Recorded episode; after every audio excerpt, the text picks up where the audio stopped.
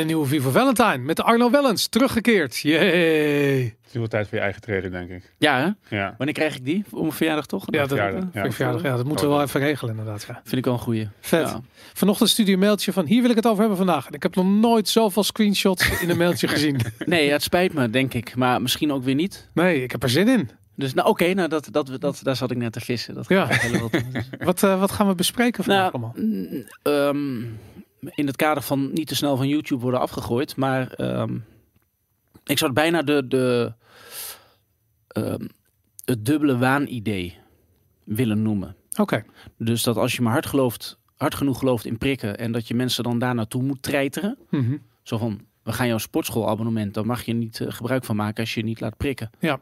Als je de, eh, of testen is niet meer relevant. Dat zijn allemaal dingen die als je erover nadenkt, vanuit gezondheidswetenschap is dat helemaal niet zo logisch. En als Nee. je dat doktoren vraagt.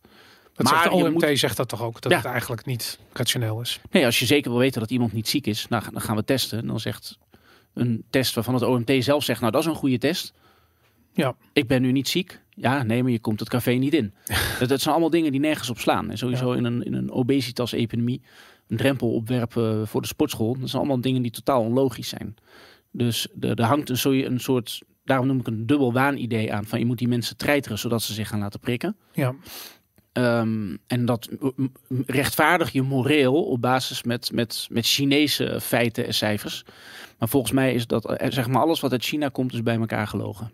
dat, eh, dat, dat is volgens mij een conclusie die we al eerder hebben getrokken in de Ja. podcast, dacht ik. Maar vervolgens ga je dat nadoen, omdat je denkt dat is een beetje hoe ze het doen. Ja, Alsof je in 1930, 35 zegt van ja, in Duitsland hebben ze wel mooie snelwegen. Laat een beetje zoals die mensen daar worden. ja, ja. En dat is, dat is wel. ehm, dat is wel waar de EU nu naar afglijdt. Ja. Die meet zichzelf allerlei dingen en rechten aan. Denk je dat dat uit China komt? Het, het gedrag wel. Ja? En dat kun je vrij simpel, je kunt het zelf zien. Ik heb, ik heb een eh, De, verhaal de gelezen. inspiratie in ieder geval. Oh ja? Zo van, oh nou, daar werkt het ook, enkelbanden in Hongkong. Ik las een verhaal eh, dat in eh, ten tijde van, volgens mij was het Obama, misschien nog wel eerder zelfs, Bush, nee, het was Bush Junior, eh, is er een pandemie scenario geschreven in het Witte Huis. Mhm. En dat is eigenlijk, inclusief de lockdowns, alles, dat is waar we nu mee te maken hebben. Dus dat schijnt een soort van, van ideologie te zijn van oké, als als, als er iets uitbreekt, dan moeten we alles eh, op slot gooien. Niemand mag meer, de mensen moeten sociaal geïsoleerd worden. En dat Oké, is, dan, dan, wil ik dat, dan wil ik dat graag zien. Ja, die maar- vrouw die bij Jorn Luca aan tafel zat. Ik heb het volgens mij gisteren toevallig gekeken. die zou ook zoiets, of niet? Die, nou, Eh, die heeft gewerkt voor de Bush administration. En die Klopt, heeft dit ja. wat jij zegt gezegd van ja, dat die plannen die, ehm, die waren er al. En, en er was iemand die was verantwoordelijk voor het bestrijden van een pandemie. Die kwam met hele laffe maatregelen. En toen heb ik weggaan, hier kunnen we niks mee. Ik wil, ik wil harde maatregelen, heeft Bush toen gezegd. En toen kwam iemand anders en die heeft toen het hele lockdown Klopt. scenario en afstand en Ja. distancing en zo. ehm, Ja, Austin in plannen Fitz gezet. heet, heet zij toch? Ja, ja, nog eens. Ja. precies. Ja. Ja. nee, het, is, het komt uit de Amerikaanse koker. Ja. Ja. het is bizar. Maar goed, dan, ik, ik zal de link even opzoeken naar het Ja, dat ben ik wel benieuwd. Dat is, Ja. ja. Dat is nee, volgens mij wat er nu gebeurt, is dat we China gewoon een beetje kopiëren. En dat is mijn grote angst, dat China dan eigenlijk gewoon de winnaar wordt van deze pandemie. En dat je mm, dan zo'n eh, rampzalig schisma in je eigen samenleving neerlegt. ehm, waar, je, waar je gewoon een paar jaar van, van, van moet bijkomen. Ja, dat, dat- is duidelijk dat dat nu gebeurt. Toch? Ja, Ik bedoel, de, agressie die. Ja. eh, ja. En dan is het niet gevaccineerden tegen ongevaccineerden. Er wordt steeds gezegd, ja, het zijn die 1,8, maar het is nu 1,7 miljoen. ja. Ehm, Misschien is- die- die moeten we dat- niet willen laten prikken, maar het gaat veel verder dan dat. ja, misschien moeten we eventjes ook een kleine disclaimer. Weet je, wij, wij, wij hebben al eens eerder gezegd, eh, Robert en ik ook, soort van in principe moeten mensen zelf weten Ja. of ze zo'n behandeling ondergaan. Weet je, ik bedoel, eh, het maakt ons ook niet uit of je rookt of drinkt of whatever. Wat jij wil, moet je zelf met je eigen lichaam doen. Daar ben je vrij in. Wij geloven alleen in het feit dat mensen ook de mogelijkheid hebben om nee te zeggen. De vrijheid hebben om nee te zeggen. En dat ehm, kan bijvoorbeeld tegen dit soort dingen zijn. Tegen behandeling of wat dan ook. Dus wat dat betreft, eh, ik vind ook de polarisatie is, is hinderlijk. Ja. En ik, in mijn beleving wordt het minder in de zin van dat ik steeds meer mensen zie die wel eh soort van gekozen hebben om de prik te nemen. Die zoiets hebben van ja, maar ik, ik wil niet per se oordelen over mensen die dat niet doen. Precies, dat, dat is je polarisatie. Het is niet de gevaccineerden tegen de ongevaccineerden. Er zijn ook gevaccineerde mensen bijvoorbeeld. eh, nou, daar wilde ik het dan over hebben, over dat Janssen-vaccin. Ja, Veel mensen in de zorg ook. ja, Maar inderdaad, ik vind het een goede dat je zegt, je moet zelf weten of je gevaccineerd bent of niet. Mogen we kunt ook, het wel leuk om het gewoon in het midden te houden of wij hier aan tafel gevaccineerd zijn. Ik zou er nooit wat over zeggen. Nou, ik vind Dat- het prima. Ik wil ook ja. niet weten of je andere aandoeningen of, eh, of weet ik wat hebt. Dus Ja. inderdaad, je moet het, dat is gewoon je eigen belevingswereld. Precies, toch privé? Of Waar, waar- ja, precies. Waar Ja. komt het vandaan dat jij je met andere, dat jij met het gedrag van anderen moet gaan bemoeien? Ga je dan ook eh, mensen die roken eh, op, op dat gedrag aanspreken? Dan kun je ook zeggen, als je COPD krijgt, dan ga je op een bed liggen dat voor iemand anders was bedoel- bedoeld. Precies. Hè, daar had een COVID-patiënt kunnen liggen. Ja, obesitas. Of eh, ja, Ja. be- bede- bedenk het maar. En dat is, eh, maar er zijn heel veel mensen die bijvoorbeeld dat Janssen-vaccin hebben genomen. Die komen erachter nu, dan willen ze gaan skiën in Oostenrijk. Dat, dat, dat is helemaal geen single-shot jab. Dus als je daar vraagtekens bij zet, Mhm. dan ben je niet het wappie of zo. Dan is het gewoon eigenlijk dat. ehm, en dat merk ik heel vaak. Dat mensen zeggen of nou, ik heb me laten vaccineren, maar ik vind toch. Ik had dan gehoopt dat ik mijn vrijheid zou terugkrijgen. En die krijg je dan niet terug. Ja, Hoe zit dat dan? En, eh, en dat is het schisma. Dus de ongevaccineerde plus de mensen die dan denken van, hm, duurt nu wel lang en ik snap niet waarom er dan een Europees paspoort moet komen. ja. En aan de andere kant heb je de diehard gelovigen die heel blij zijn met zo'n app enzovoort. Dat is je schisma. Het, het is niet de ongevaccineerde tegen. Nee, het is ook een verharding. Mensen zijn de maatregelen meer dan zat. En die Ja. gaan dan zeggen van dingen als van het is de pandemie van de ongevaccineerden. Dus de ongevaccineerden krijgen de schuld van Wat de niet waar is. Ja, exact. Nee. Dat wil ik laten zien. Dat is gewoon niet. Dat is niet. eh, dat, dat is niet waar. Maar ik denk, denk dat er komt een punt dat je gewoon gedwongen. eh, in Oostenrijk is dat al zover. Ja, Ik bedoel, als jij die boete niet kunt betalen, en heel veel mensen die hebben dat. ja. Ja, dan worden ze- 3600 euro. Ja, dan schopt de deurwaarder de deur in. Ja. En dan ga je mee naar het vaccinatiepunt. Nee, je krijgt gaat een maand gevangenis in. Ja, Ja. maar ja dat, dat doe je nog een keer. En hoe vaak ga je dat doen? Nou ja, dat, dat ga je dus. Je gaat dus steeds een maand gevangenis in. Voor omdat je je prik niet wil. Ja, ik denk dat heel weinig mensen. Hè, dus ze zijn dan ook wel de principiëlen. Mhm. Ik denk dat de meeste mensen dan gewoon gaan prikken. De 40% van de bevolking in eh, Oostenrijk heeft niet eh, die prik genomen. Is ook niet van plan dat te gaan doen.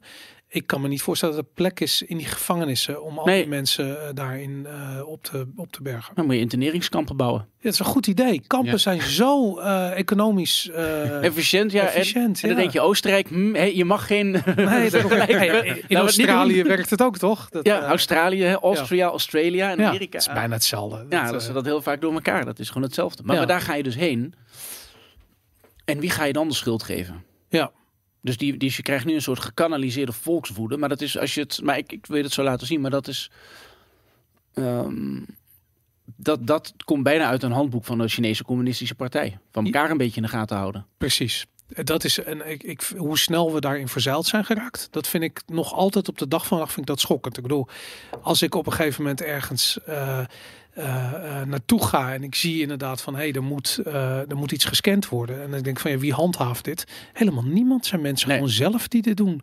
En niemand gelooft erin, maar het maakt niet uit. Nee, dat, wordt dat is het gekke. En dat is het Chinese model. Ja, Er, er is geen. ehm, hè, er zijn geen reptiele mensen of een partijkartel of een patriarchaat dat koloniaal is, weet ik wat. ja, Mensen die onderwerpen zich aan die terreur. En dat, Ja. dat, dat gedrag, ja. Sociologisch is het heel interessant om er naar te kijken, maar het resultaat is bedroevend. ja, het is heel bedroevend. Goed, laten we beginnen met, ehm, met jouw eerste. Ja, waar ik tegenaan liep, dus ik zal er maar meteen in, in diepe gooien. Ik, eh, het viel mij op dat Oostenrijk zegt, eh, nou je komt er dus niet in met Johnson. Mhm. En Jansen heet dat dan. Maar dat, daar houden ze de Nederlandse namen. Dat is omdat de, het- de Belgische fabrikant die dat maakt, Jansen, die is ooit overgenomen door Johnson Johnson. Dezelfde namen dus hebben ze dat in ere eh, gehouden. Oké. En er is een, ehm, ook een Nederlandse eh, vestiging van dat bedrijf uit België dat heeft geholpen met de single shot jab. Ja. En zo werd het ook gemarket. Het is leuk als je dan terugzoekt. Dus dit is een eh, persbericht bij Investor Relations. Hè, want ze moeten ook aan hun aandeelhouders melden Mhm. welke successen ze hebben. En er staat heel vaak onder van, maar hier mag je geen rechten aan ontlenen enzovoort. Dit is dansen bij Jansen, ja. Dit is, ja, dit is het dansen bij Jansen. Dus in februari is die aangekondigd, want er waren er twee tests gedaan. En die hadden aangekondigd dat het heel succesvol was. Want 100%, van- want me- want het beschermde jou 100%. En in september was het nog maar 13%. ja. Dus ik heb gewoon contact gezocht met die fabrikant van hoe is dat nou mogelijk? Mhm. Nou, daar er kom je heel... bij dat het 13% was? Dat komt zo. Oké. Dat is, eh, dat is een ander onderzoek, zal ik je laten zien. En dat is de. Nou, daar gebeurde wat. En dan wil ik de mensen in meenemen van hoe, hoe, hoe, hoe wordt zoiets dan goedgekeurd. Ehm en dat is het volgende. Nou, dit, bijvoorbeeld wat je toen kreeg, dat was ehm, toen die resultaten werden aangekondigd. Dus deze eh, Akiko Iwasaki, dat is iemand die. Dus ga haar niet lastig vallen met vragen over. eh, het aandeel, het koers van het aandeel Johnson Johnson. Maar zij heeft dit bijvoorbeeld op Twitter gezet en dat was toen het nieuws van die dag. Zie ik het aantal retweets van yes, we zijn nu. Hè, imagine being 100% protected from death 28 days after a single shot. Prima, dan kan de samenleving open. Ja, dus je kan gewoon met je ogen dicht over straat oversteken als je dat Ja. hebt. Ja. Dat is ja. Dat is iemand had weet dat, het mooi eh, te verkopen. Ja. Ja, iemand had het eronder ook gezet. En zij, gezegd, en zij is, eh, ze komt van Yale, en het is gewoon een andere viroloog. Maar zij krijgt dan zo'n persbericht in de mailbox. En, ze, en uit euforie twittert ze dit. En ik, deze stond bovenaan als je op de, de reacties op die tweet van Johnson Johnson zoekt. Mhm. En Johnson Johnson zegt dan van ja, nou we hebben... ehm, ehm, en die hebben dat plaatje gemaakt van, nou je bent 72% beschermd tegen de milde... eh, eh, hoe heet het, tegen, de- tegen de milde gevolgen. En daarna wordt dat 100%. Dus hoe langer je wacht, hoe sterker het virus. Dat staat hier letterlijk. En dat zegt ze, dat zegt ze ook, hè? Hoe sterker het virus? Nee, sorry, hoe langer je wacht, hoe sterker de bescherming Het tegen het virus. ja. Ja. Ja, want ze zegt eerst is het eh, beschermt het tegen de dood en dan beschermt het tegen eh severe disease. Dus, Ja. een, dus, dus, dus ernstige ziekte. Ja, dus en, en dan, dat neemt dan toe. Dus eerst is het 100% dood, maar 85% ziek. Ja, En dan zie je daarna 100% alles. En die, die, je gaat dus van 85 naar 100. Zo moet je dus het de lezen. effectiviteit neemt toe, zegt ze Ja. nog eens een keertje. En dit Ja. zijn, En niet af. dit Ja. zijn resultaten uit hun onderzoekstrials. Ja, en die staat daaronder. Dus zij krijgt ook zo'n persbericht eh, in, in haar mail. En dat staat dan jnj.com, Johnson Johnson. En daaruit staat uitgelegd waarom dit zo is. En waarom het ook 49 dagen is en niet meer. Maar, maar op basis van deze cijfers hebben zij die emergency use eh, authorization Ja. gekregen. En heeft eigenlijk iedereen besloten om dit vaccin te kopen. Exact. En toen heeft iedereen gezegd, en nu zie je het al fout gaan. Ja. Toen heeft iedereen gezegd, als ze dat maar doen, Dan, dan, zijn we. dan is het dansen met Jansen. Ja, precies. En als je dat dus niet doet, dan ben je een wappie, een ASO eh, en weet ik wat. Valt me overigens wel op dat ze hier nog niet, of hier eigenlijk al zeggen dat het niet gaat om, het gaat geen infectie tegen. Dus in deze fase van de uitrol van deze ehm, medicatie was het al duidelijk dat dit dus eigenlijk geen vaccin is. Het is een, zo noem je dat, een, een premature behandeling. voor Ja, een soort condoom. Zoiets inderdaad. Ja, Ja, dat je, je gaat met een condoom naar een hoe heet het? Bepaald Japans voor. feest, zullen we maar zeggen. En dan Ja. druipt het, het meeste van je af. Ja, maar het is zelf, of, of als je malaria neemt of zo, weet je. Of Ja. dat je, dan slik je een medicijn om maar niet malaria te krijgen. Ja. Dat is dit. Zo van je krijgt de ziekte alsnog, maar je wordt er niet meer ziek van. Je gaat er ook niet meer dood van. Dat is het idee. Maar je kunt het wel altijd, want het, een virus gaat niet zomaar dood. Dat is het vervelende. eh, Precies. zeggen mensen. Virusremmer. je kunt het Ja, doorgeven. virusremmen. Dan, ja, een soort malaria-pil is het. Dus en daarom dit- als mensen dit willen nemen, fantastisch. Vooral oudere mensen, dat kun je ook zien. Ja, Hè, dus heel veel, in het vaccindebat, om het zo maar te zeggen, dat is zo gepolariseerd. Dat als ik nu zeg dat, eh, dat dat vaccin wel degelijk werkt tegen, eh, tegen sterven, Mhm. wat aantoonbaar zo is, ja. maar onder bepaalde voorwaarden. Dan zeggen mensen, oh Arno, je bent een verrader, want je was toch ook antivax? Nee, natuurlijk niet. En dan Ja. de mensen die heel erg voor zijn, die vinden, vinden dat dan weer mooi. Maar de waarheid zit een beetje in het midden. Dat is heel vervelend, mensen die genuanceerd zijn. Maar het zit iets anders. Maar zo is het begonnen. Oké. Dus eh, zij kwamen toen met die... ehm, ehm, met dat document. En ik ben dus gewoon in dat document gaan kijken. En dan zie je al waarom het nu fout gaat. Dat is het stomme. Ja. En op een gegeven moment zie je ook dat de regering doorheeft waarom het fout gaat. Mhm. Alleen dan een beetje, een, een beetje laat. Ik wil het hebben over deze vrouw. Als mensen denken, vind je haar niet lief? Eh, heeft ze jou teleurgesteld eh, Hanneke. in, de, in, de, in de romantiek? Dit is Hanneke. Dit is Hanneke. En Hanneke Schuitenmaker. Maar ik moest dit doen met die foto, omdat ehm, hij is van Hollandse hoogte. En Hollandse hoogte gaat het hele internet af om te kijken of hun auteursrecht wordt geschonden. Oh, jezus. Die gaan ons, dankzij deze screenshot, Dit worden wij van, Ja, van dingen is, eh, afgerukt. En daarom moet ik hem, maar ik, ik heb dat, ik heb wel eens een keer doorgeprocedeerd tot het einde. Ja, Kijken wat er dan gebeurt. Nou, dan win je, dat kost je dan 20.000 piek, maar die krijg je dan wel terug. ja. Eh, Of 18.000. En dan gaat uiteindelijk de fotograaf die dan zegt, hè, die wordt dan opgenaaid door eh, het, het bedrijf dat, het, dat die bots heeft die het internet afstruinen. ja. En die moet dan tegen jou procederen, maar dan win je dat gewoon. En ik kan het dan onder citaatrecht gooien. Dus ik wil gewoon laten zien wat er toen in de media werd gezegd. En je hebt er nu zelf een kunstwerk van. En als, omdat ik er een Ja. kunstwerk van heb gemaakt. Dus Ja. je kunt niet één op één deze foto gebruiken. Dus Ja. hun auteursrecht wordt niet geschonden. Het is ook niet vindbaar. Nee, nee, ik zie dat Dus- je, je hebt dus- je best gedaan. Ja, dus Eh, voor de, nou, de- creatief. zo met die... eh, Ja, nee, ik zie het. Ehm, nou, dit is de, de vrouw achter het Janssen-vaccin. Ze voelt zich en haar beter dan anderen. Ja. Waarom zou ze dat moeten doen?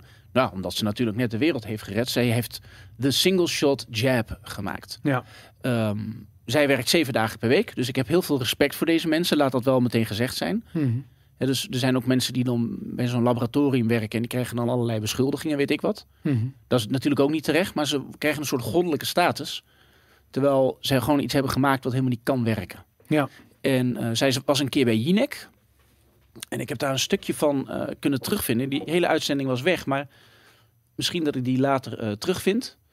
En eh, ik wil gewoon terug even naar die periode dat, dat iedereen zat te wachten op dat vaccin. Ja, Zo van, wanneer is het nou? Wanneer is de, wanneer is de verlossing er? oktober vorig jaar was dat. Ja. Dus eigenlijk aan het begin van die hele lockdown ellende vorig jaar die we Ja. hadden. En toen moest er nog één test worden gedaan. En die test ga ik dus laten zien zo, want die, die zat in de link in die tweet. Oké. En er zaten een paar hele interessante dingen in die, in die, in die, in die phase 2 trials die hier gebeuren. Eh, nou, dus dan Jinek. Denk je dat het vaccin er is? Ja, dat, nou ja, dat heeft een genuanceerd antwoord. Eh, ik kan bijna in de politiek. Maar ehm, het, eh, kijk, ik, het- dus ik denk dat als wij eind van dit jaar weten of het werkt, dan gaan wij, zoals dat heet in, in eh, de Verenigde Staten, een emergency use authorization, zo eigenlijk een soort noodgebruiktoestemming aanvragen om dat vaccin al te mogen gebruiken. Want we hebben nu natuurlijk nog niet alles gedaan wat we normaal gesproken zouden doen voor een volledige goedkeuring. En dat gaat niet over veiligheid, maar dat gaat echt over hoe je het maakt, hoe je het in potjes stopt, hoe, wat er op het etiketje staat. Al die kleine details die essentieel zijn. Maar dus dat, dat loopt allemaal. Ja. Ehm, dan heb je dus misschien begin volgend jaar de toestemming voor dat noodgebruik. Eh, dan gaan we kijken welke landen eh, hebben al een aankoop gedaan. Die, die moeten dan voorzien worden van vaccin. En die moet, dat gaat natuurlijk naar RATO, want wij hebben nu niet 1 miljard doses op de plank Nee. liggen. En die landen moeten dan gaan beslissen van eh, ja, wie gaat er als eerste vaccin Dat is eigenlijk wat Diederik zei. die maatschappelijk debat moet gevoerd worden Ja. over wie gaat het krijgen. Ja, maar dat, dus wat je eigenlijk zegt is dat er puur omwille van de tijd niet praktisch mogelijk is om meteen genoeg vaccins uit te rollen voor het hele universum. Dus op basis van dat, de hoeveelheid die dan gemaakt zal worden, moeten we keuzes gaan maken wie het krijgt. En, en wanneer dan in de praktijk worden mensen, als er gekozen is wie dat dan zijn, wanneer worden die dan, wanneer krijgen die de Nou ja, dat zou eerste of tweede kwartaal kunnen zijn. Hè? Maar goed, er zijn natuurlijk heel veel. eh, er moet aan heel veel voorwaarden voldaan worden. Oké, Ja. eerste, tweede kwartaal van 2021. Voor, ja, maar dat is dus een. een als, het, als we in fase 3 succes Juist. hebben, als we die toestemming krijgen om het uit te Ja. Als die overheden dan een aankoop hebben gedaan of willen doen.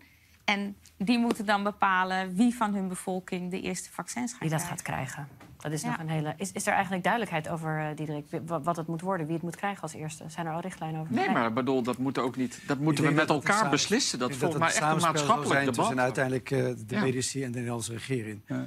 Eh, dat, dat zal het, hem, het zal het gaan worden.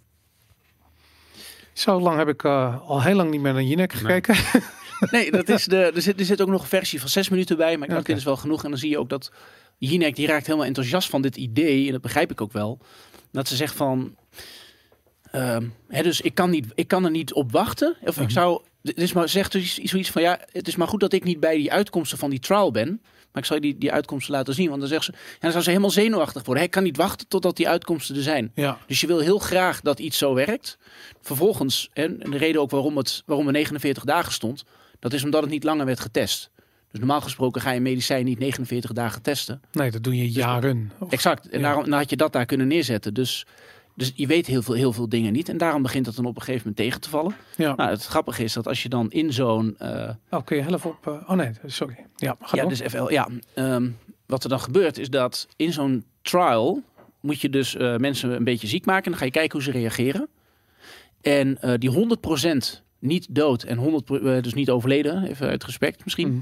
Maar dat komt omdat ehm, mensen zijn uitgesloten.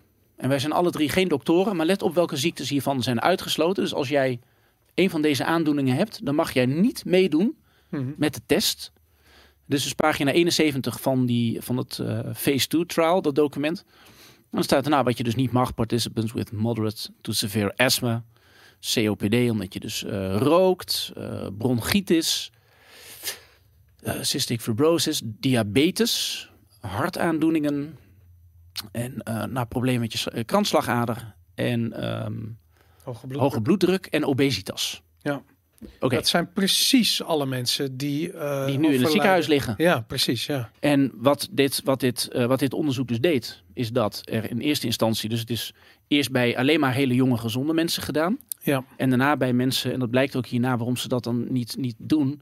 Dan staat er several safety, safety measures are included in this protocol to minimize the potential risk to participants. Ja, ja logisch. Dus- Iedereen dus je- die risico loopt, hebben ze eruit gefilterd. Ja, want anders gaan die op dat moment dood omdat ze met een trial meedoen. Ja. Dus dan laat je mensen daadwerkelijk een, een, een, een, een guinea pig zijn, dus gewoon een proefkonijn. Maar hoe krijgen ze dan voor elkaar dat ze alsnog... Want ik bedoel, het, als je kijkt naar de eh, corona-overlijdens in Nederland de afgelopen twee jaar... dan zie je onder de, eh, volgens mij is het onder de 60 jaar, of misschien onder de 50 jaar... zijn er maar 168 mensen gestorven. Ja, Nou, er gaan 600 mensen die vallen van een krukje eh, per jaar en komen te overlijden. En dit is over twee jaar 168 mensen. ja. Dus dan zou je kunnen zeggen van, ongeacht wat ze hadden, ze waren relatief jong. Dus leeftijd lijkt wel de allergrootste factor. dat is het ook. En dat is het Is vervelende. dat, is dat hier ook nog? Dat, dat is hier ook aan de hand. Zeker als je dan toch oudere mensen in je eh, test meeneemt. Ja. En je laat mensen die dan kwetsbaar zijn Uh-huh. voor eh, griepachtige, hè, voor coronavirussen. De mensen die daar kwetsbaar voor zijn, omdat je niet wil dat ze tijdens die test overlijden. En dat is natuurlijk vanuit ethisch oogpunt. En, Mhm. dus Johnson Johnson, ik, ik ga er zo nog iets kritisch over zeggen wat betreft, betreft ethiek, medische ethiek. Maar Ja. zij zien wel dat je, je kunt niet duizend mensen vragen, dat hebben ze hier gedaan Ja. van eh 1 op de 10 gaat dood in Ja. de test. Dat kun je niet maken.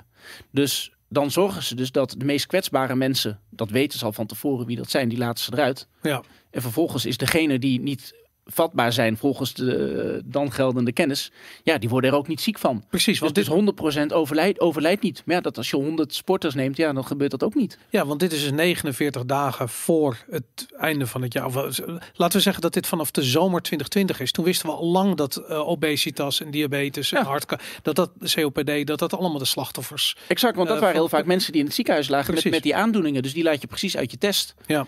En overigens, Pfizer heeft dat ook gedaan. Die heeft ook gezegd van nou, bepaalde mensen laten wij uit onze sample. Omdat ze, eh, ja, anders gaat het, eh, ehm, gaat het gewoon te ver. Dus geen hypertension. En dat is dus eh, een bloeddruk. Ja.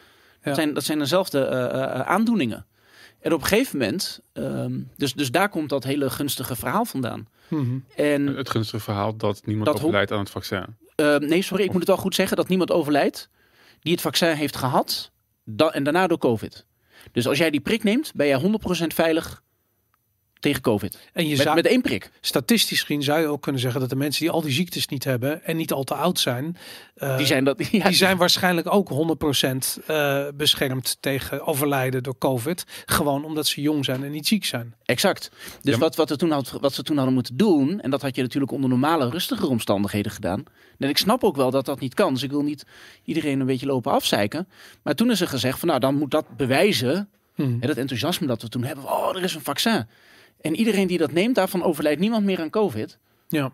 Ja, precies. Want ik dacht dus dat je bezig was met een verhaal te schetsen ehm, over de, ehm, ehm, de veiligheid van het vaccin. Maar je hebt het over de effectiviteit, effectiviteit. van het vaccin. Van het vaccin. Ja, en dat is. En kijk, nou, als er wat bijwerkingen zijn, maar dat, dat, daar, wil- daar wil ik niet op ingaan, ook omdat ik er gewoon geen verstand van heb. En dit is ook moeilijk en het is nog niet Ja. wetenschappelijk vastgesteld. Nee, net net als de is van- effectiviteit. Ja. Nee, Precies, maar, precies, maar ik dacht dus dat je wilde zeggen van omdat we dus bij een hele gezonde doelgroep het vaccin hebben getest, kan je niet zien wat de veiligheid precies is. Dat is natuurlijk ook een gevolg. Ehm, maar het, eh, ehm, wat de echte zaak is, dat, eh, is dat het heel effectief lijkt, omdat de mensen die het getest is, die zijn sowieso al. ehm, Ja. En dat is maar dan precies. En dan worden dus tegen mensen die ook heel gezond zijn en om die reden niet ziek worden, want dat is wat Hmm. hier gebeurt. Ja, En dan zie je bijvoorbeeld Remy, Remy Bonjaski, die komt dan ook bij Jinek. ja, En nou ja, die gozer die, die straalt helemaal van, eh, van gezondheid. ja, En dan gaan ze hem vertellen, nee, maar je moet je wel laten prikken. ja. Want die prik beschermt jou. Nou, dat is, daar is heel veel op af te dingen. Ja, En, natuurlijk dat is gaat- en dat is notabene Hubert Bruls die dan zegt van... eh, ja, als, papa, hè, als je niet naar papa Bruls luistert, eh, eh, dan komt hij met de harde arm langs. Ja, inderdaad. Dat, dat is het, ik zou dat in het geval van Remy Bonjaski, ben ik benieuwd wat er, wat Papa er, wat er Bruls geen schijn kans maakt. Maar, Nee. maar inderdaad, maar, maar goed, dat is wat dus heel erg naar is, is dat narratief ontstaan is aan de hand van deze hele gebrekkige data. Ja, omdat je heel snel... Dus ik ga ook niet echt mensen hard beschuldigen. Dat mogen Ja. we dan misschien anderen maar doen. Maar in die haast, Ja. is, zo is ons narratief gegroeid. Ja. Dat wie, wie niet prikt een ASO is. Ja, En dan, Precies. als je dat eenmaal accepteert, Maar Dan kun, je, narra- dan kun je ook harder worden in je grofheid. maar ook het narratief dat die vaccins, ehm, mensen die gezond zijn en het vaccin nemen en dus niet zo ziek worden. Ik heb die mensen gehoord van ja, ik, eh, ik heb corona gehad, maar ik ben gevaccineerd, dus dat viel gelukkig wel mee. Ja. Ja, maar dat, is, dat was al zo. Het- Maar- Ja, het misschien zou het- sowieso meevallen voor Ja, je. precies. Maar nu, Ja. omdat mensen denken dat inderdaad, eh of die doelgroep inderdaad ehm, eh, al gezond was van, van de clinical trials, denken mensen dat het vaccin dat teweeg heeft gebracht. Ja, dat is ook zo. En dat, dat is dan het nare. En dat is. ehm, er is uiteindelijk dus die fase 3-studie. Maar die was dan gebaseerd op data in de zomer. Dus intussen werd het al ge- eh, gegeven, omdat er gewoon haast was. Mhm.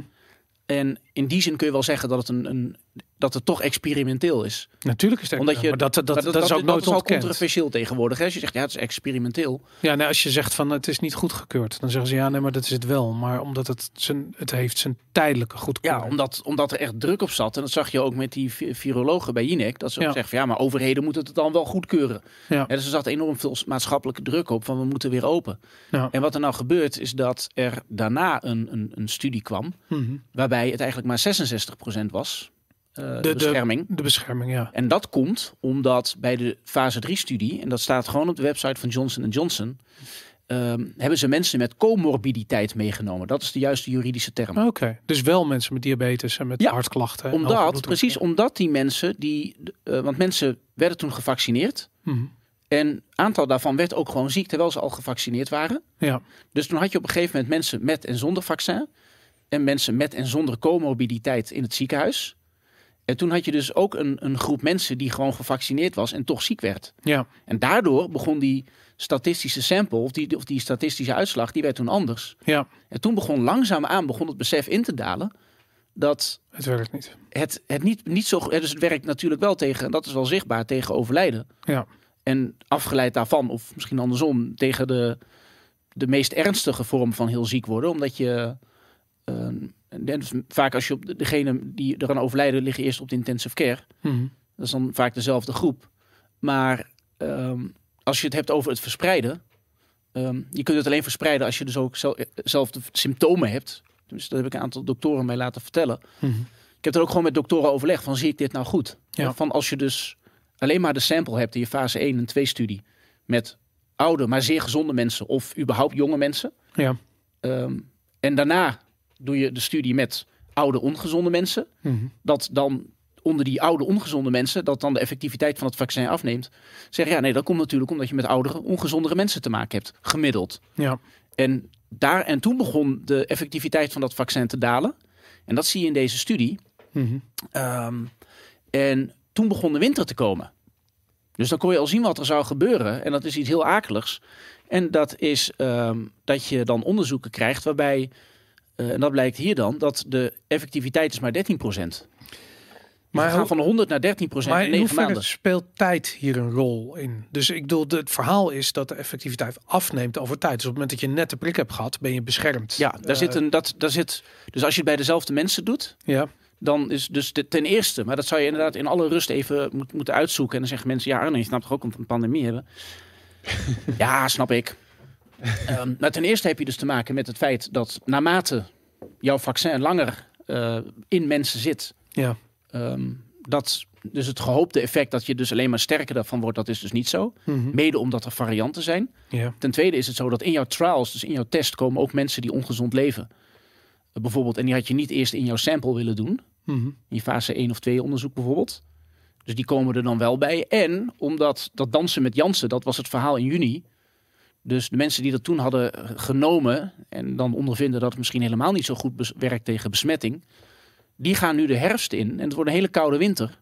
Ja. Ehm, ik ben geen, ook geen meteoroloog, maar je kunt aan dat gedoe met die gasprijzen zien dat we een koude winter krijgen. Dus mensen zullen daardoor veel vatbaarder zijn voor ziektes. Dus de tijd werkt op die drie manieren tegen ons. Dus we gaan, en dat Maar zou dan grotendeels kunnen verklaren waarom die ziekenhuizen vol maar liggen. dus eigenlijk geen tijd. Want je zegt als we ehm, die varianten aan het begin al hadden en die doelgroep in het begin ook hadden meegenomen, dan had je misschien al hetzelfde effect gezien aan het begin van, van eh, het verhaal. Ja, dan had, dan had die effectiviteit was in het begin niet zo hoog geweest. Ja, Maar dan, dan hadden de, zeg maar de, de, de vaccinfanaten, die hadden toen ook gewoon hun stok niet om mee te slaan van...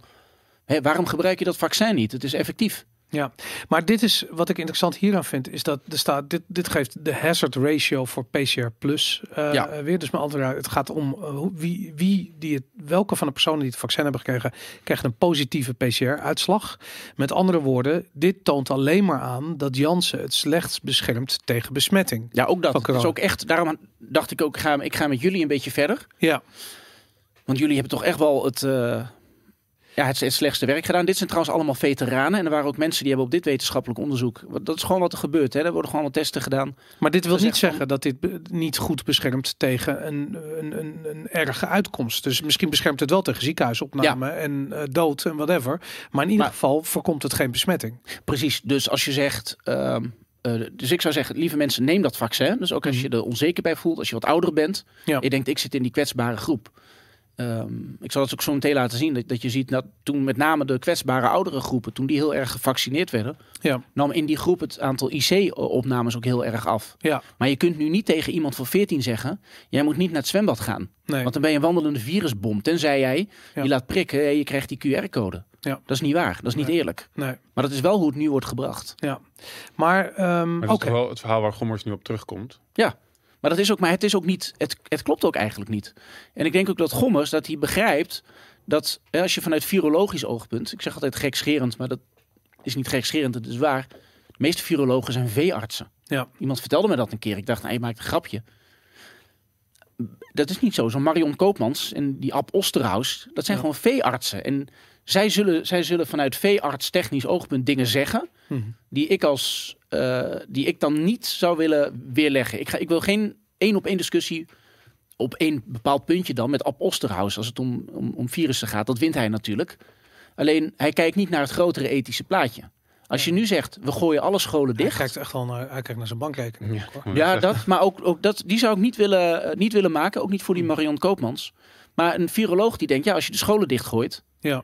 Dan, ehm, ja, dan kunnen die kinderen elkaar ook niet besmetten. Omdat zij gewend zijn om te zeggen van nou laten we die 10 miljoen varkens ruimen. Ja, dat is wat ze doen. Ja, en, en, die, daarom, en die Ab Osterhaus, die was laatst ook nog bij, eh, bij, was die bij dat op één. Ik zat dat te kijken. Ik denk, je maakt een grapje, maar dat maakte die niet. Ik hoorde het inderdaad. Ja. Hij zei van ja, weet je, als je mensen wil selecteren, ja, bij mensen kun je dat, eh, bij, bij een virus kun je dat lastig op de neus doen. Ja. Dat je ziet wie bij welke groep hoort. In het kader van geen vergelijking maken. Hij zei ja, ik ben een veearts, ik hou van rigoureus optreden. ja, die Dus neus had hij niet over nagedacht, hè? Nee, Die neusreferentie. precies. Nou, laten we die dan, die, die, die schelden we hem dan. eh dus Ab Osterhaus, u heeft dat, we rekenen u dat niet aan. Maar Hm.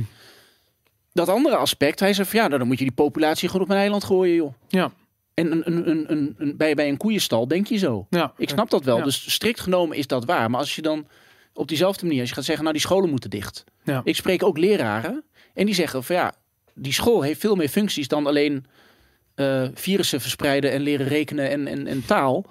En want dat, dat is dus wat, wat de boventoon voert. En daar Ja. wil ik tegen, tegen waarschuwen. Is dat, ze zeggen wij zien ook of kinderen thuis worden mishandeld. Ja, daarom. ja. En als je die kinderen thuis laat, dan zien wij dat niet meer.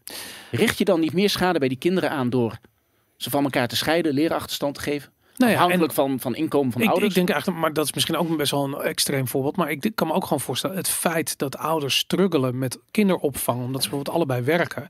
Wat krijg je dat er in de buurt een oppasmoeder is die zegt van nou, ze kunnen wel bij mij. En dan gaan ze allemaal bij elkaar. Zitten die tien kinderen daar in de woonkamer, weet je. Ja. In- Op school kun je tenminste nog het raam nog openzetten. En dat is het, Ja. dat is het probleem. Dat je, je voorkomt die besmettingen echt niet door die scholen dicht te gooien. Nee. Die kinderen spelen gewoon bij elkaar. Ja, en dat, dat, is, maar dat is je veeartsmentaliteit. Want Ja. dan zal, zeg nou niks, want straks gaat, ehm gaat Ab Osterhaus, die kijkt dit en dan belt hij, eh, belt Hugo de Jonge op en dan krijg je eh, anti-oppasmoederboa's. Ja, precies. het, gaat, het gaat van gekker tot gekker hè, op een Ja. gegeven moment. Maar ja, dat, dat, is hoe de, dat is hoe de veearts werkt. En zo kwam dus die, eh, die waning effectiveness, zo kwam die er. En het Ja. geinige is, en er is dus één hele grote studie gedaan. En mensen zeggen altijd van ja, waarom pak je één studie en niet die of dat? Mhm. Kijk, je hebt, dit is een studie eh, waarbij er werd geteld. Ja. Dus niet zozeer we- werd geïnfereerd, hè, statistische inferentie van ehm, ik correleer twee dingen en ik trek dan een conclusie, maar dat is dan misschien een beetje dubieus. Nee, gewoon tellen. Mhm. Dus je pakt meer dan een half miljoen mensen die met, eh, die met COVID in het ziekenhuis liggen. En dan ga je kijken wat zijn hun kenmerken. En ehm dit is best veel gedeeld ook in de Nederlandse media of in de, in de medische wereld. En wat gebeurt er dan? Dan is dat de mensen die ziek zijn, ehm, het is 94,9% van de mensen in het ziekenhuis met corona Hm. kwam binnen met al een aandoening. Ja.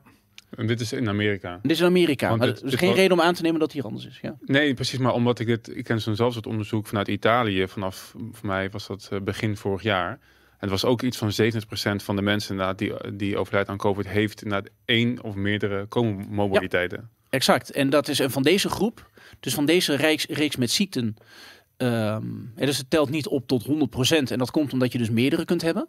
Ja, En daarom. 70% van de mensen in, van alle ziekenhuisopnamen in de VS, dus niet in de sample, maar in de hele populatie, om maar als Mhm. een Ab te spreken. Dus dan, dan kun je er wel degelijk harde uitspraken doen. Die had ik geloof zes of zeven of meer van, van dit soort aandoeningen. En dan is het dus eh, hypertension, obesity enzovoort. Het is En dat zijn precies de ziekten. Ja. Ja, maar het is ook die, die ziektes, dat zijn nou bij uitstek de ziektes die je, eh, je immuunsysteem comprom Ja. compromissen. En dat is, dat is ook letterlijk wat er gebeurt. Je, hoe- slechter je immuunsysteem, hoe kwetsbaar je bent voor virusinfecties. Ja. Ook de griep, ook van alles en nog wat, je- wat je kunt verzinnen. Ja. Het is zo logisch als het maar kan. Ja, en vervolgens maak je een vaccin en dat ga je op testen die op testen op mensen. Waar, precies zoals jij zegt, waarvan je weet dat die niet vatbaar zijn omdat ze niet aan deze aandoeningen lijden. Ja, En dan blijkt dus dat dat vaccin heel eh, effectief is, maar dan test je op de verkeerde groep. ja. Ja, maar Dus dat is wat hier gebeurt. Nog even over die waning effectivity waar je het net over hebt. Want en dat, dat vermoedt namelijk, of dat impliceert, dat het effect in de mate van tijd afneemt. Die vraag die je net stelde. Maar ehm, het gaat daar dus niet om. Het gaat erom dat het, dat het eigenlijk van het begin af aan al niet effectief is. Dat zou, ja, ik zou die, ik zou, da- daar zou je eigenlijk eens een studie naar moeten doen. Ja, je zou, dus, je zou die doelgroepen maar die, eigenlijk ja. die, aan, die aan het einde van de rit zeg maar, erbij komen...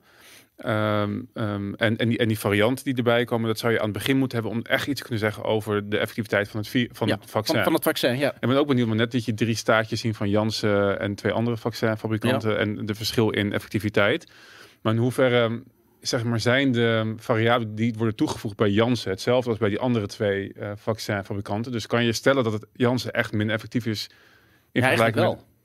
Ja, maar je, de, de en varianten... AstraZeneca, dat zijn een beetje de, de Lada en de Opel van de... Dat, dat lijkt helaas zo te zijn, maar ik wil die niet hard maken op basis van alleen dit plaatje. Maar Nee, maar iets- we, kunnen, we nemen even aan dat zeg maar, de, Ja? de doelgroepen die worden toegevoegd, dus die met die comorbiditeiten bij Janssen, die worden ook bij Moderna en Pfizer en al die andere toegevoegd. Ja. Even als die... die Ja, ja, dus bijvoorbeeld Pfizer had ook inderdaad die comorbiditeiten. Daar hadden ze ook niet op getest. Eerst niet en later wel. En daarom zie je dus daar. En dan zie je het ook, ja. Oké, ja. En dat, dat is het, ja, een beetje de akelige boodschap. En ehm, wat je nu krijgt, dat vind ik heel grappig. Dit is dezelfde pagina, want dan krijg je dus dat gedoe over die boosters. Dus links is het de vaccinatiepagina van de overheid over ehm, ja, gevaccineerd met Janssen en nou. Mhm. Want op een gegeven moment zei Oostenrijk van je mag eh, met, met Janssen mag je het land niet in. ja. Dus met een single shot jab, die één keer goed is voor de rest van je leven. En op basis van wat besluiten ze dat dan? Wel, Nou ja, dat heb ik dus ook gevraagd. Daar ben ik dus nu mee bezig. En ik ben ook met die fabrikant bezig. Mhm. Ehm, zij vinden dat, zij, zij zien die studie die ik net ook noemde. Dat zien ze in Oostenrijk, zien ze dat ook. Ja. En dan hebben ze aan zo'n ministerraadvergadering. En dan hebben ze het gezellig. Zo'n biertje erbij. En uh, afgestroedel. En dan zingen ze. Vrij wie een Adler in wind. en dan zeggen ze op een gegeven moment. Verdammt nogmaal, hebben ze dat gezien? Ja. dat is nur 13 procent. nou, en dan worden wij dus geweigerd. En dan worden mensen boos. En die willen dan skiën. ja. En terwijl ze die prik hebben gehad. ehm, ja, dat zijn natuurlijk meer mensen dan je denkt. Maar ehm, dan ontstaat die discussie. Maar dat heeft Oostenrijk gedaan. En dan zegt de overheid, dat is heel grappig, die zegt links. Dus dit is dezelfde webpagina, maar dan met een maand verschil. Mhm. Dus het gaat om die, dat gele stukje. En dan zeggen ze link, ja, links. Ja, er zijn geen aanwijzingen dat het Janssen-vaccin mensen jo- jonger dan 60 jaar onvoldoende beschermt. Ja, geen aanwijzingen. Die aanwijzingen zijn er waarschijnlijk wel, ja, die zijn, maar niet in... ja, die zijn er een beetje wel eigenlijk. En Ja. dan, nou, de Gezondheidsraad adviseert het oordeel van de EMA, dus die Europese eh, medicijnautoriteit, af te wachten over een extra dosis van het Janssen-vaccin. Is dat er al, nu die uitspraak? Ja, dat zie je dus wat er rechts gebeurt. Mhm. En dus, nou, wachten we het even af. Ja. En dan staat er rechts, is die tekst dus aangepast. Dit is dezelfde webpagina, maar dan met een ongemelde eh, eh, aanpassing. Daar staat ook van uit de laatste cijfers blijkt dat de bescherming tegen ziekenhuisopname ook voor het Janssen en AstraZeneca-vaccin hoog is. Dus, dus er is wat eh, reuring over Janssen. En diezelfde pagina waar die daar daarop ingaat, die gaat nu in op Janssen en AstraZeneca. Hebben die twee, hoe verhouden die twee zich tot elkaar? Want die stond, AstraZeneca stond niet in dat. dat nee, stond niet in dat overzicht, maar ook in andere, eh, bepaalde andere studies. Die zal ik misschien de volgende keer meenemen. Komt die ook niet heel goed eh, uit. En er staat nu, de Gezondheidsraad is gevraagd om het kabinet snel te adviseren. Over het al dan niet aanbieden van een boostervaccin aan Maar alle je mensen. weet al wat het, wat het advies gaat zijn. Er moet Eh, een er moet booster. een booster. Ja. Maar wat gaat dat uitmaken? Want die booster eh, Het is hetzelfde, ja. ja, is hetzelfde middel. Je impliceert dat het met de tijd te maken heeft en dat het een soort van eh, verderft of zo in je bloed. Maar heeft, Dankjewel. Ja. Maar Maar hoe komt dat? met- Ik vind dat namelijk. Ik zeg, hoe komt het dat, dat de effectiviteit van het vaccin over tijd afneemt? Waarom, laat, waarom is het niet? Want jij zegt van nou dat komt omdat we zien naarmate meer mensen gevaccineerd zijn met een specifiek vaccin en de, eh, het wordt winter en mensen worden ziek, Ja. dan zien we op een gegeven moment een toename in het Ja, aantal sowieso al. besmettingen. Ja, ik- nogmaals, dat zijn virologen en doktoren die ik spreek. Ik ga niet zelf. Ik ga je niet zelf een hard, hard, hard, hard oordeel over geven. nee, begrijp maar ik. eh, wat, ik, wat ik begrijp van, van bijvoorbeeld virologen en of ziekenhuisdirecteuren of weet ik wat. Dat is inderdaad dus ten, ten eerste, ehm, het is nooit 100%. Nee, Dus als je dan zwakkere weerstand krijgt en je was al zwak. Ja. En het wordt een hele koude winter. ja. Daarom zijn ze ook nu, voor die code zwart, zijn ze al ruim daarvoor al best wel maar, eh, het- alert. Omdat ze, ze, zien natuurlijk de bui, de bui al hangen. maar, maar gewoon puur over En- de cijfers. Wat ik bedoel je, hebt varianten. Maar, maar oké, maar dus de, hebben ze de, de, de afname van effectiviteit, is dat gemeten omdat ze een toename zien van het aantal geïnfecteerde personen die met een bepaald eh, eh, vaccin zijn geïnjecteerd? Of is het echt daadwerkelijk zo dat ze persoon A hebben en zien persoon A in maart eh, wordt niet ziek, maar we zien dat diezelfde persoon in december, bij wij, ik zeg maar wat, een, een veel grotere kans heeft, 67% kans heeft, of wat, wat is het, 87% kans heeft om wel ziek te worden. Wat ik, nee, volgens mij is het daadwerkelijk. Hè, dus wij zijn nu amateur-virologen, maar de mensen die er, wel, eh, die er wel op zitten, die stellen zich natuurlijk deze vraag van. Is één vaccin genoeg? Ja. Er is een hele grote, fascinerende studie gedaan in 2007 al. Eh, dat heet On the Emergence and Re-Emergence of SARS. Ja, 2007. En toen zijn eigenlijk alles wat nu gebeurt, hebben ze daar al genoemd. oké. Eh, ze, zeiden, ze zeiden ja, met name hoe ze in, hoe ze in China, met name in Zuid-China eten. Ze zeiden dat is echt een ticking time bomb. Die vleermuizen. Ja. Ja, en dan zeiden ze, maakt ook niet eens uit of eh, zo'n virus dat dan rondwaart, of dat dan in een lab zit en vandaar ontsnapt, of direct of via markt, maakt niet uit. ja. Hè, de, de geest is uit de fles. En dan zeggen ze ook, eh, je zult dan varianten krijgen. En die varianten betekent dat als het eenmaal te ver is uitgebroken, dat je doorlopend allerlei eh, nieuwe vaccins moet ontwikkelen. En omdat, en wat ik begrijp van virologen, is dat dat, dat dat is toch wel de heilige graal en het gemiste verhaal ja. ehm, in deze hele wereld. En dan is het heel logisch dat je dus constant gaat, jezelf gaat afvragen van... Maar ja, dit vaccin is gemaakt, maar werkt dat nog wel? Maar, de- maar nu, als ik dan nu kijk naar het narratief, hè, dan zie je aan de ene kant zie je gewoon dat eh, we hebben dat verhaal over die, eh, de afname van effectiviteit van die vaccins. Je kunt je afvragen of die vaccins überhaupt wel vanaf het begin effectief zijn, of dat ze inderdaad afnemen. Dat weten we niet. Ja. Ehm, Zou, zou, je, zou je zou een paar jaar onderzoek naar moeten doen? Maar dan goed, dat is Maar inderdaad, maar Marion Koopmans ook wel. Die zegt, ja, ik heb geen paar jaar. precies. Jullie willen nu en dan wordt er iets geleverd. Dus de Misschien oplossing is meer van hetzelfde. Dus we krijgen nu een booster. Terwijl het, er wordt geschetst alsof het afname is over tijd. Dus heb je een booster nodig. Maar voor hetzelfde geld is het gewoon een toename van infecties over tijd. Want het is winter Ja. en griepseizoen. Dus worden mensen sneller ziek. En die, die effectiviteit is nooit heel erg nooit zo hoog geweest Nee. als dat ze zeiden. Dus oké, dan krijg je zometeen boosters. Dan gaan mensen, omdat ze een QR-code willen houden, gaan die booster nemen. Ja. Die gaan alsnog ziek worden. Want voor hetzelfde geld is, dat, is die effectiviteit nooit zo hoog geweest. Ja, en terwijl ze ziek zijn, want ze willen niet naar huis, gaan ze naar de après-ski bar. Gaan ze Precies. met iedereen tongen. Ja, En dan, eh, en dan ga je Remy Bonjaski de schuld geven. Ja, ja inderdaad. Dus, maar Even lang verhaal kort. Maar, dat is maar, maar die mensen ja. gaan dus, dus. Maar het enige wat er gaat gebeuren is dat mensen blijven ziek worden. Eh, tenminste, als je geen natuurlijke infectie hebt doorgemaakt, dan, dan, dan op een gegeven moment je blijft ziek worden. Ehm, ik zeg overigens niet dat je meer dan één keer ziek wordt, maar ik bedoel, we gaan steeds blijven houden dat mensen op een gegeven moment ziek worden. Ja. Eh, ehm, en wat je ook gaat bl- blijven houden, is dat mensen die boosters moeten blijven nemen totdat ze eh, als een QR-code willen houden. Ja. Dus je, je zit in een soort vicieuze cirkel waar je niet Ja. uitkomt. Een soort spiraal van angst. Van je, omdat je bang bent voor corona, moet je die vaccinatie nemen. Maar op een gegeven moment krijg je toch corona. En ja, goed, wat Ja, kun je doen? precies. Dus, dan, dus misschien moet je dan toch inzetten op, op, op, eh, op gezonder leven. En dan kun je zeggen, ja, we hebben nu die acute situatie met die ziekenhuizen. Ik ga heel eerlijk zeggen, hoe je dat nu oplost, weet ik ook niet. Maar inzet op gezonder leven plus capaciteit uitbreiden van het ziekenhuis. Ja. Hugo de Jonge heeft in zijn periode het afgelopen het, het omgekeerde gedaan. Want we hebben nu minder IC-bedden. Maar Ja. ik denk dat je moet accepteren dat, net als met gewone griep, dat elke winter dat je gewoon zo'n opleving krijgt. Ja. En als je gewoon krantenberichten terugzoekt van 2018, Ja, 17 en dat was al 16, zo. dan, dat, dan was dat al zo. Alleen wat je nu dus krijgt, is dat je een app krijgt van de Europese Unie met een. Ehm, die om hele andere redenen, hebben we vorige keer besproken, dat, dat die was ingevoerd. Ja. En dat je dan eh, dat je gewoon so- sociaal wordt aangevallen. Ja. Eh, en dat je gewoon een, een schisma in je samenleving krijgt. Omdat alles wordt dan opgehangen aan die, aan die vaccins. Maar goed, je ziet nu al in, op dit tekstje van die website, je ziet nu al dat, ehm, dat, hè, dat de gezondheidsraad is gevraagd het kabinet snel te adviseren. Mhm. Dat er toch wat paniek, eh, paniek aan, het, aan het uitbreken is. Ja, want aan de ene kant moeten ze nog die laatste, wat is het, 10, 15 procent mensen over de streep trekken. En aan de andere kant eh, moeten ze nu gaan toegeven dat die shit niet werkt en dat er moet worden bijgeprikt. Ja. En dat Ja. is, en dat, precies, en daar gaat je radicalisering naartoe. Want degenen die dan natuurlijk nog niet zijn geprikt, die zullen nu zeggen: ja, maar het werkt dus eigenlijk niet. Wat Precies. maakt het uit? Ja. En ehm degenen die wel zijn geprikt, die zullen dan harder blijven, die zullen blijven volharden en wat zal geloven. Ja. Heel kort, dit, dit, dit plaatje kun je natuurlijk twee kanten op uitleggen. Dus de, het feit dat die kwetsbare groepen, en want daar gaat het toch echt om, en dat kon je al opmaken uit die, eh, dat fase 1 en 2 onderzoek van Johnson Johnson. Van zijn, zijn dit overlijdens? Dit zijn de IC-bedden. Oké. Ehm, en je ziet dat nu, ehm, dat zeg maar de ouderen, de, de, de, de, de kwetsbaren zijn gewoon goed beschermd eigenlijk. Mhm. Dus wat dat betreft, nou Jansen, goed dat jullie dat hebben gedaan. Je hebt het over Beetje- 80 en 90 plus. Ja.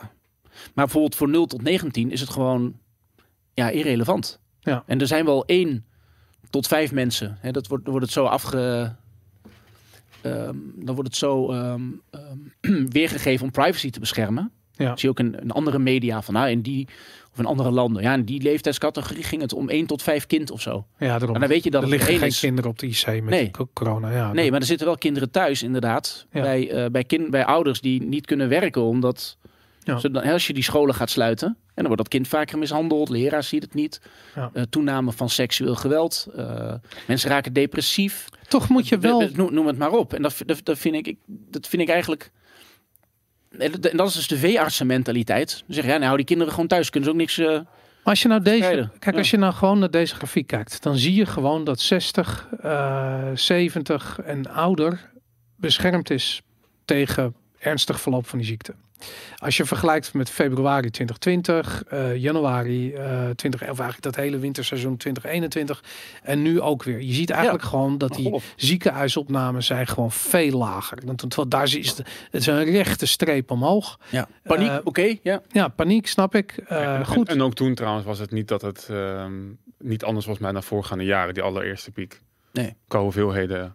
Ja, goed, maar, maar ja, ik zeg er dan wel Ik bedoel- bij voor de, voor de inderdaad. Dit zijn dan de opnames. Dus als iemand dan bijvoorbeeld een week blijft liggen, Ja. dan moet je eigenlijk keer 7 doen. ja, Daar daarom. komt nog. dat zou als ook kunnen. Vier, dat- Als iemand vier weken en dan heb je de dag daarna komt er nog iemand bij en nog iemand en dan gaat niemand uit. ja. Dan beginnen die ziekenhuisdirecteuren die beginnen paniek te raken en die zoeken de media op. Dat Ik snap heb- ik ook helemaal. Ja. Ik heb wel gehoord dat de IC-opnames van drie weken naar acht dagen zijn gaan, gemiddeld. Dus dat, dat, dat ze zijn sneller eruit. Ik weet Ja. niet waarom. Ze zullen wel iets krijgen. Iets wat begint met een I. En, eh, oh nee, ja, nee, doe- dat mag doe in dat niet. Ja, mag je niet. Nee, doe het niet. Maar nee, dat, maar goed, anyways. Dat, dat, eh, dus ze, ze hebben dat teruggebracht naar die acht dagen. Dus je ziet inderdaad, misschien is dat het wel wat je ziet. Maar aan de andere kant heb ik ook zoiets van... Als, als dat die 60-plus groep beschermt, blijkbaar, voor ernstig verloop of ziekteopname of IC IC-bedden, wa- wa- wat het ook is, wat het IC, weer eh, ja. IC-opnames, ja. En, en daarmee overlijden. Want Maar dan is het toch, Ja, maar dat dan is toch prima? Dan is maar toch volgens mij is de fijn. conclusie die jij trekt te snel. Want ik heb ook gehoord dat die reden dat zeg maar, de alleroudsten niet op de IC kwamen, die gaan gewoon meteen dood. En, en, dit, en dit is volgens mij, dit is natuurlijk ook niet nee, relatief. nee, sorry. Die, dat, dat, heb- dat heb ik. Dat 80 is een- plus komt niet op de IC. Nee. die, ehm, dit zijn IC-opnamen. Ja. Dus Maar die dat- 80 maar plussers weet je, komen stel- gewoon niet meer op de IC. Nee, maar je stelt... Maar Maar er zijn er ook niet meer zoveel van. Dus dat is de, dus de hele. Dus de, de hele ja, Nee, dat- ja, exact. Maar dat is dus ook iets. Want dit gaat over absolute aantallen en niet over relatieve aantallen. Dus je, want jij stelt net van die mensen worden blijkbaar beschermd. Maar dat is volgens mij een te snelle conclusie. Want je hebt één heel weinig van die, van die doelgroep. En die doelgroep komt niet op de IC terecht. Dus wat je ziet is gewoon relatief gezien misschien. Oeh, als je, dit, als je deze discussie gaat voeren, wordt het helemaal interessant. Want als je dus per persoon uitrekent wat de kans is dat jij door corona. Hè, dus als je zegt, nou, oeh, het zijn oké, in totaal zijn 200 IC-opnames binnen 10 leeftijdscategorie Ja, op 17 precies. miljoen mensen.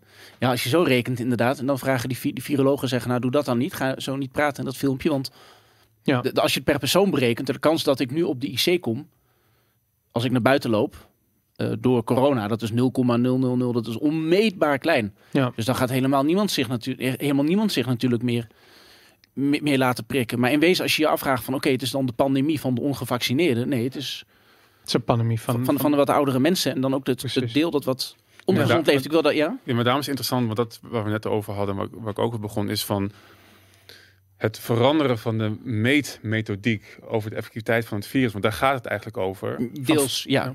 En ik vraag me gewoon heel erg af inderdaad van hoe hoog die effectiviteit in het begin was. Zeg maar. Dus als stel dat je al die doelgroepen in, in, de, in de trials had meegenomen, wat was dan de eff- Ja, dat zullen we effectiviteit? weten.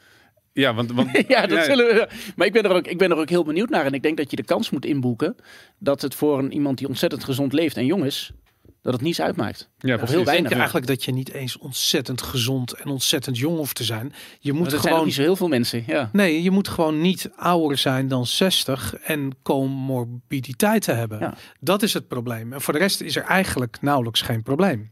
Ja, dat precies, dat is hier het vervelende. Dus, Ja. de, ehm, dus met name, kijk, en als je dan dat wetende, als je dan zegt, nou oké, je moet dan die kinderen betrekken in die QR-discussie enzovoort.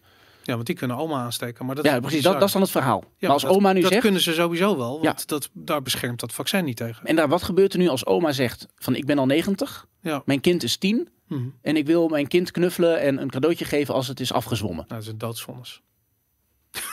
ja, dat is, ja dan, dan, komt de, Ja. dan komt de coronabrigade langs. Maar dan, Ja. maar dan pak je dus die mensen, die pak je de mogelijkheid af om zelf...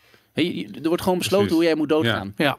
En dat, is, dat, dat, vind, dat vind ik heel akelig. Ehm, Maar dat is, de, dat is een kant aan het hele coronabeleid. Dat kan het daglicht niet verdragen. Maar dat is iets wat we hier in deze podcast ook heel erg bespreken. Een soort van laat mensen hun eigen keus. Ja. Neem de prik, neem de prik niet. Whatever, laat mensen met rust. Het is niet geen, geen pandemie van de ongevaccineerden. Het is een pandemie van de immunocompromised 60-plussers. ja, door gedrag of ook door pech, daar wil ik er ook meteen bij precies. hè. Je kunt ook een stofwisselingsziekte hebben bijvoorbeeld. Maar ik vind dat, zo je- ik vind dat ja. zo cool dat die artsen en verplegers over het algemeen daar niet over oordelen. Als jij je hele leven gerookt hebt en je kunt met COPD op de IC terecht, dan behandelen ze je gewoon omdat je gewoon een mens bent. Ja, Met van medische- Hippocrates. Ja. Precies, en dat is wat het moet zijn. En er moet helemaal niks anders bij komen. Maar dat is waar dit hele verhaal natuurlijk politiek wordt. Maar goed, dan moeten we misschien zo meteen... Ja, dat, ja, dat, ja dat, dat, is, dat is helaas wat je, wat je krijgt. Wat ik nog wilde laten zien is dat ik, ik zat dus een beetje in de jaarrekening van dat eh, Johnson Johnson te kijken. Je hebt daar de opioid crisis. Mhm. Dit is van een aanklager in Oklahoma of Oklahoma, zeggen ze in Amerika geloof ik. Ehm, de Johnson Johnson heeft een stuk van, eh, van heroïne, een strain kunnen afhalen. En daar hebben ze een pijnstiller van gemaakt. Maar die was net zo verslavend als heroïne. Hoe heet die ook weer? Die oxy... oxy... Dat is eh, fentanyl. Oh, fentanyl. Ja. En ja, eh, ik zeg het niet. Maar goed, de, ehm, en er zijn dus enorme rechtszaken. En die zijn redelijk goed eigenlijk nog. Dus Johnson Johnson had op een gegeven moment 10 miljard euro in de jaarrekening. voor de schade die ze zelf hadden aangericht. En toen hadden ze dus ergens een schikking kunnen bereiken. in plaats van dat ze een boete kregen. kregen. En toen kregen ze 2 miljard euro terug van de belasting om die reden. Dus een effectieve belastingdruk die daalde van 12 naar 10 procent. Dus ik dacht, hé, dat is grappig. Toen Hm. dacht ik, nou, even kijken hoe dat dan zit. Nou, pagina 61 van het laatste Form 10K. Dus de, de jaarrekening onder Amerikaans verslaggevingsrecht stond dan van... Ja, het heeft te maken met opioid litigation. Wisten jullie wat het was? Ja, het- omdat je het me verteld hebt. Ja, opioid litigation. Dat is dus zo'n Amerikaans eh, aanklager, de openbaar aanklager die ik daarover een keer sprak. Nog nou een beetje mensen bellen en zo. Mm. Die zei van ja, hoe heb jij onder een steen gelegen? Ik vond het een beetje een onaangenaam type, maar dat moet je Mm. ook zijn in die rol. En die zei van, eh, nou, wat er dus is gebeurd is dat Johnson Johnson die heeft dat die pijnstiller gemaakt, heeft dat verkocht alsof het heel veilig was, terwijl het eigenlijk gewoon drugs is. Het is eigenlijk gewoon een soort heroïne in een Ja. pil. 500.000 Er zijn doden. 500.000 mensen, 500.000 mensen zijn aan dood gegaan. Ja. En dat is de opioid crisis. En dit jaar zal het aantal drugsverslaafden zal, dat daaraan overlijdt, zal 100.000 bedragen. Jezus.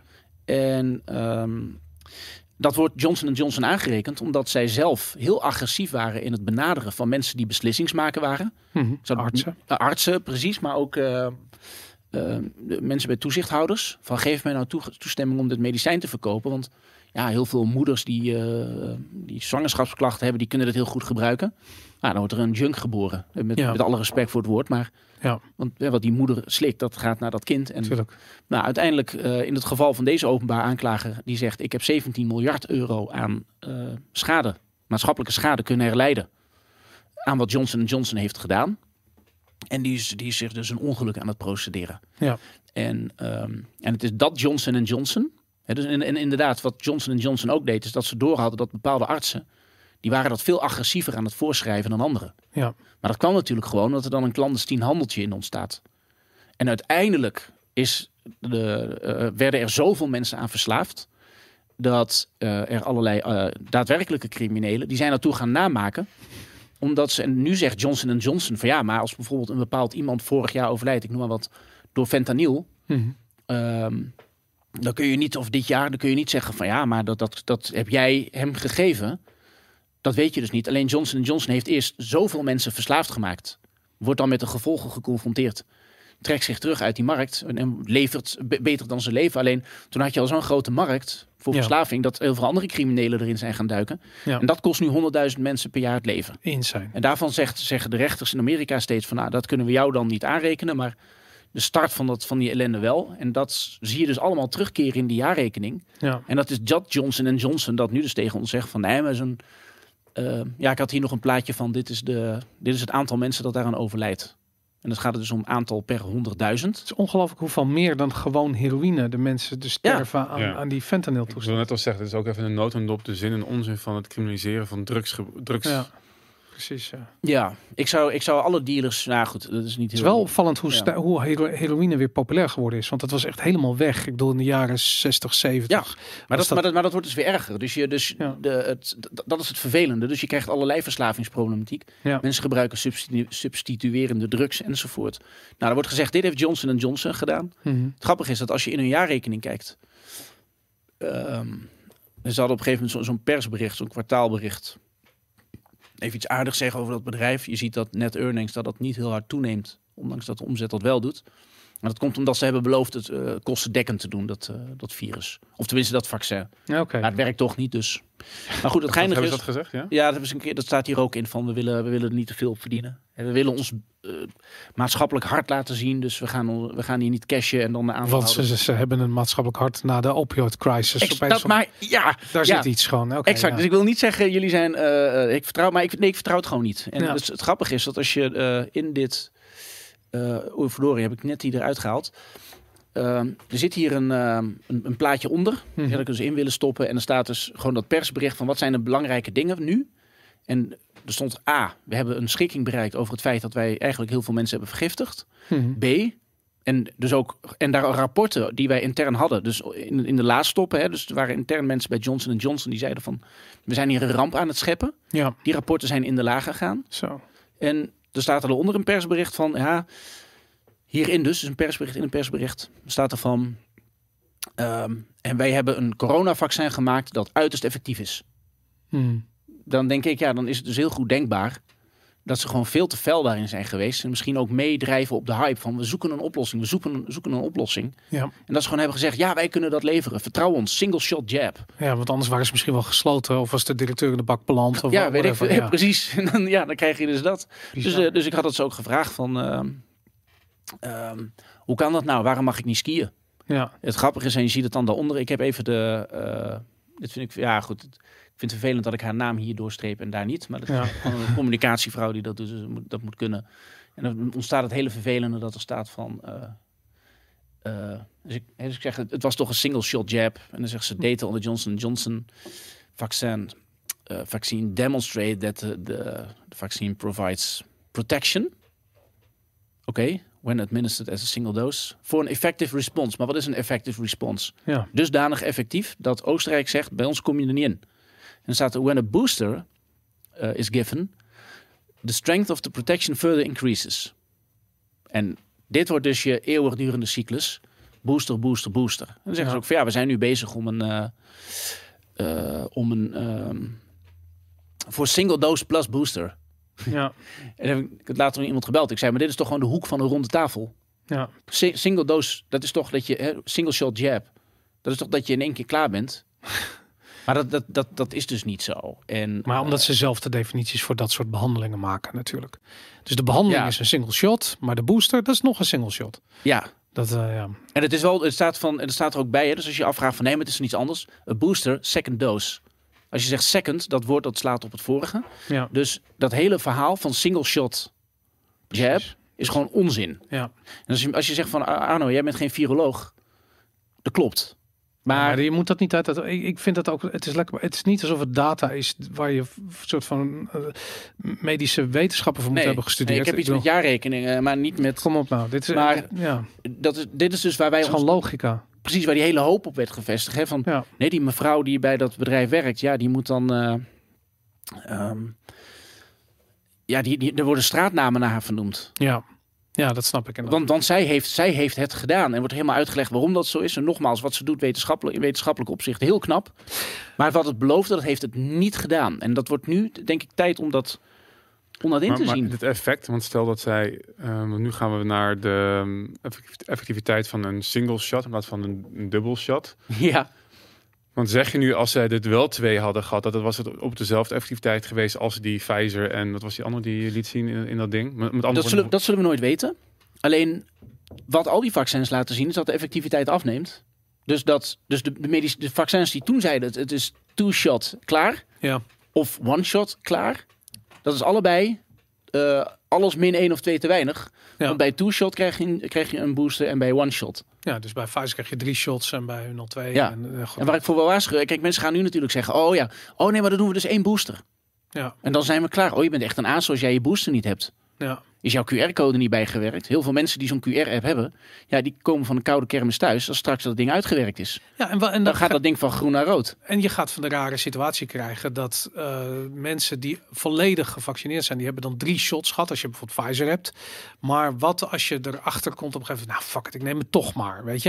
Maar ik hoef alleen maar een booster of zo, weet je. Ik bedoel, dan moet je dus moet je dan ter plekke drie shots nemen of ben je dan? Nee, er moet wel tijd tussen zitten. ja, dan twee weken ja. of zo, weet ik veel. Dus dan, Ik heb toch gevraagd, mag ik het tien voor de rest van mijn... Nee, ja, Maar, nou, we, blij- blijven wel in discussie, want da- daar ga je toch weer uit van het, het afnemen van de effectiviteit. En ik blijf het, het hangen, mijn hoofd is nu een doorn, van het heeft niks daarmee te maken, maar het heeft te maken met hoe je die eff- effectiviteit meet. meet. Dat is allebei waar. En, Dat is het rottige en dat weten we dus niet. Maar daar- daarom begon ik het over die single dose. Dat maakt dus niet uit of, maakt het uit of het single of dubbel is. Wat is het niet gewoon... Nee, het want is dat- een hogere dosis van het spike-proteïne. Dat is wat je krijgt. Ja, Dus je, krijgt- je krijgt iets ingespoten wat dus spike-proteïne in je lichaam, of je lichaam laat maken.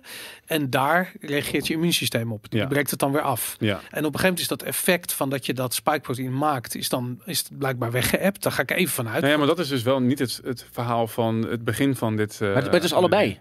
Het is allebei. Het is deels zo dat, dat van of het nou één of twee is, in het begin werd van alle eigenlijk die vaccins de, de werking overschat. Ja, Omdat het A bij een best wel optimistische doelgroep was afgenomen in de haast. ja, Eh, ten tweede omdat er dus geen rekening werd gehouden met, met varianten.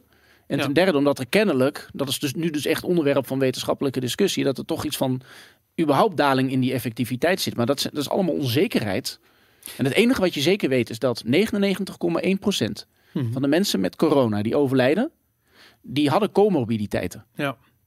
Dat, dat is wat je 100% zeker Nee, weet. dat, dat, dat is, maar dat is het rare. Dat, dat soort, maar dat is niet een makkelijke oplossing. Want dat betekent dat mensen op dieet moeten, die moeten snappen wat gezondheid is. Die moeten gaan sporten. Dat is lastig. Wat heel makkelijk is om Ja, en je wil horen, ik laat me prikken, ik doe die app en ik ben klaar. Ja. En precies. zijn we dan niet in een leugen aan het geloven? Nou, wat, wat ik een keer gehoord heb over die mRNA-vaccins, dat vind ik heel interessant. Die techniek is zo nieuw. Of het is eigenlijk niet nieuw, maar het is nooit eerder op mensen toegepast. Het is eigenlijk bedoeld als een behandeling. Dus stel je voor, je hebt een specifieke vorm van kanker en er moeten bepaalde kankercellen in je lichaam worden opgeruimd. Dan krijg je dus een, een dan was het idee van een, dan hebben we daar een, een mRNA-behandeling voor. Die zorgt ervoor dat jouw lichaam eh, getriggerd wordt om die specifieke cellen op te ruimen. Dan zijn die cellen opgeruimd. Klaar, tada, dat was het. Ja. Afgelopen. Genezen. eh, Genezen. Ja. Dit is een, hoe noem je dat, een premature ja. behandeling. Of een behandeling die je doet voor een ziekte die je nog niet hebt. Maar dat is waar het niet klopt. Je kunt niet jezelf Nee, non-stop behandelen voor een ziekte die je niet hebt. En als die ziekte dan ook niet komt, ja, dan heb je je voor niks laten eh, behandelen eigenlijk. Ja. En dat is misschien wel wat we zien. Dat, je, dat het daarom misschien ook niet helpt. Dat, Dat ja, het- dat ze moeten we. Het is gewoon dat het aan wat mensen. dat- verkeerde middel. ik merk, ja, ik merk wel dat als ik hier nog wat virologen of eh, gewoon doktoren, wat ik zei, die, die, er zit daar een soort omerta in. Van ja, we hebben nu mee gewoon met z'n allen gezegd, we moeten vol achter die vaccinatiecampagne. Ja, nee, die opmerking Want is dat heel is schadelijk. de- Dat, dat, dat doodt de, de discussie erover. Ja, terwijl de, de redelijke vraag, want dan, dan, dan vraag ik dat aan een dokter van, Ja. toch gek hoe je van 100 naar 13 gaat. Dan zeg ik, Ja. oké, ik, ben, ik ben geen arts, maar van 100 naar 13, terwijl dat nergens is aangekondigd. Hoe Ja, zit dat? Maar die arts is geen statisticus. En, ehm, En nou, ook, ook als hij dat wel is, Mhm. of zij. ehm, ik ken meer vrouwelijke artsen, maar dat komt, dat komt natuurlijk door die dating apps. Maar Ja, er zijn, zijn ook meer vrouwelijke profiel. Ja. Ja, alleen maar ja, ik had gewoon een keer gewoon voor zo'n ziekenhuis gaan zitten en dan, dan zo'n Ja. ja. heppen aan. Hey, ik ben Arno. Hi. Ja, Hoi. ja dus, dus ik, het is voor mij heel makkelijk om een vrij grote Ja, nee, ik snap het. groep te, eh, groep te bellen, of longartsen. En, Ja. en, en daarbij wordt gezegd van, vanuit het ministerie en dan aan de ziekenhuisdirectie is gezegd van oké, wij gaan met z'n allen zeggen, laat je prikken, laat je prikken, laat je prikken.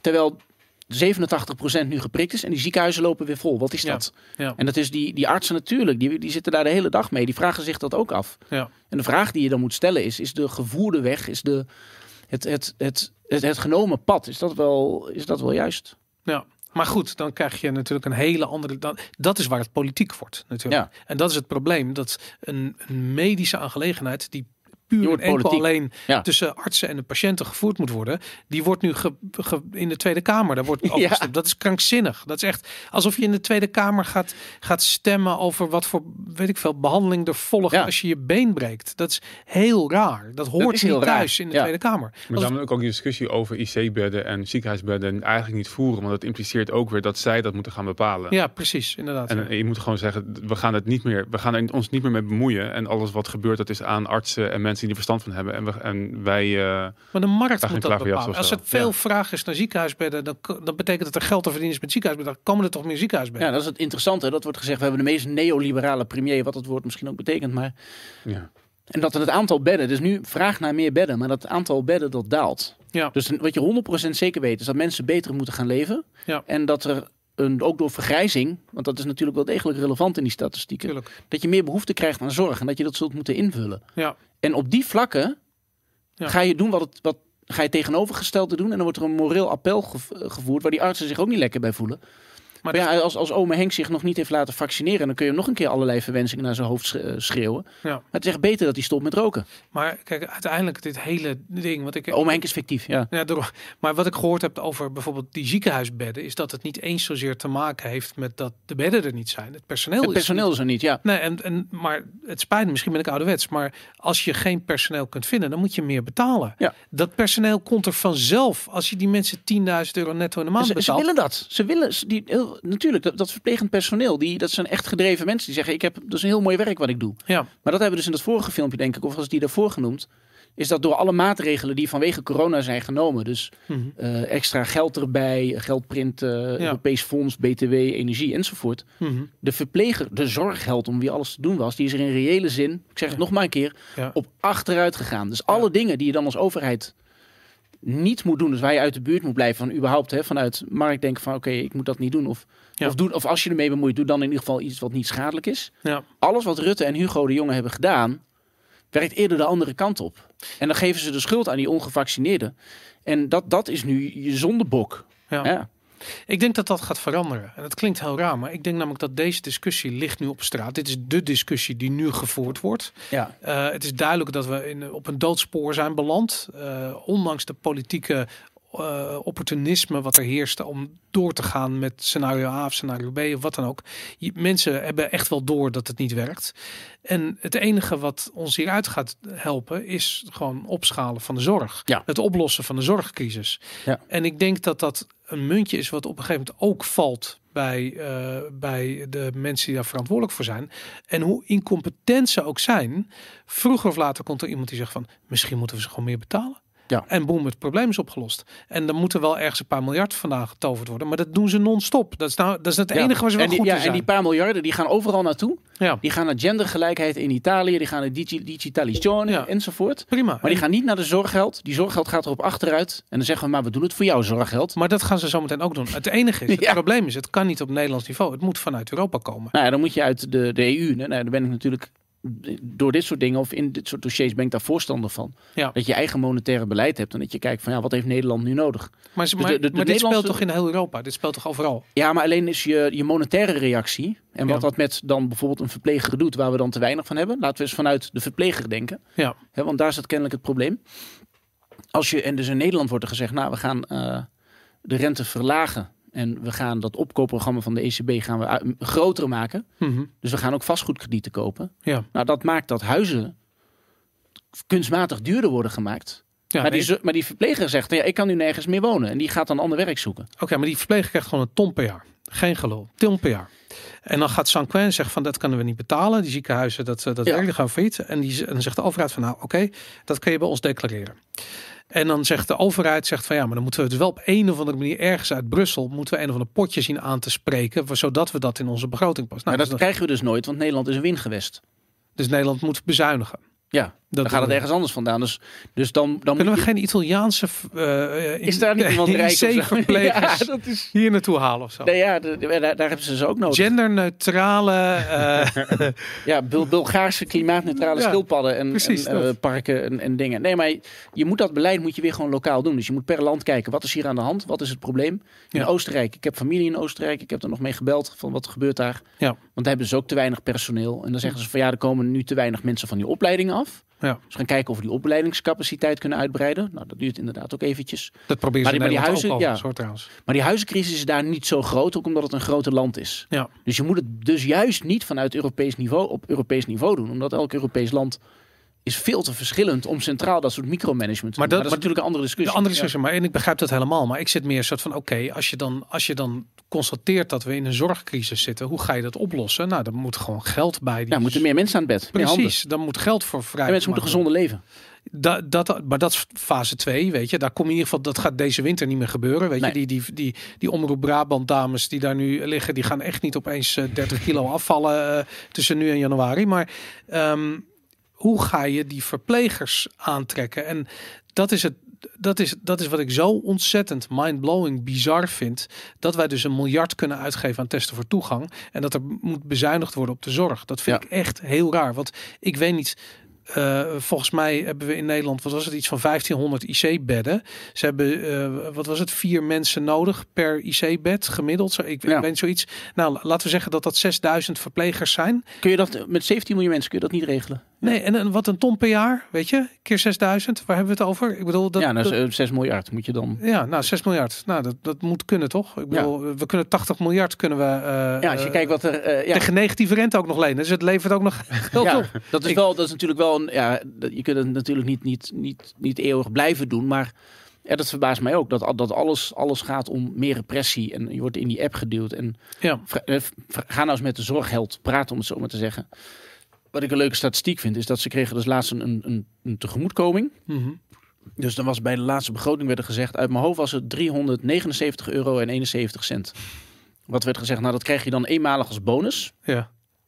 Alleen dat is 1%, hè, dus die bonus is 1% van de waardestijging op de huizenmarkt. Ja, ja. Een gemiddeld huis is in die maand waarop dat werd uitgesproken, jaar op jaar, met 18% gestegen. Dat is ongeveer 40.000 piek. ja. Dus ik vind het dan leuk om dat, dat liedje van die, eh, ik weet even de naam, eh, de Desert Rose Band volgens mij, hè, van One Step Forward, Two Steps Back. Ja. In dit geval is het van, je krijgt One Step Forward van Hugo en dan komt Christine Lagarde en die, die gooit jou 99 stappen terug. ja En dan zeggen mensen van waarom begin je nu over geld? Terwijl we het hier in de zorgdiscussie hebben. Maar die, die verplegers die zeggen, mijn combinatie van salaris, werkdruk, mogelijkheden en gewoon de kans om een leven op te bouwen en een beetje een leuk huisje. Hoeft niet eens heel groot te zijn. Dat is onmogelijk met het verplegerssalaris. Maar Dus in één jaar een huis wordt 40.000 euro duurder. Die verpleger gaat dan never nooit met 2000 euro per maand maximaal tot vier. Die gaat er never nooit tegen kunnen opsparen. Maar dat probleem is veel groter dan die verplegers. Want dat, is- dat, de, de politieagenten, de, de, de Ja, die de die hebben allemaal Ja. hetzelfde probleem. En ik denk dat het probleem met die verplegers is dat die, die prijzen of die salarissen allemaal op een bepaalde manier gekoppeld zijn aan de zorgtoeslag of wat er per Ja. patiënt. eh, dus het, het, zit nog, het is nog iets eh, eh, strikter wat er kan worden betaald.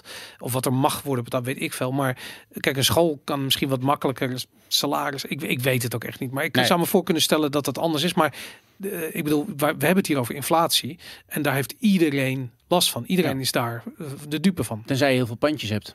Ja, nee, dat, dat begrijp ik. Maar Ja, laten we, we hebben het over de, Precies, ja. over de- mensen die, die werken in dit soort beroepen. Weet je, de, de, de vroegere middenklasse die betaalt een hoge prijs. Ja, je middenklasse, die oude middenklasse is nu je onderklasse. Ja, En dan wordt er wel verwacht dat je topprestaties levert. Dan zeggen ze toedeledokie. Ja. Dus een vergrijzend land dat ongezond wil leven, Ja. dat moet gewoon bereid zijn om veel meer aan zorg te betalen. Nou ja, of inderdaad, ik denk dat wat jij zegt is denk ik wel een hele grote.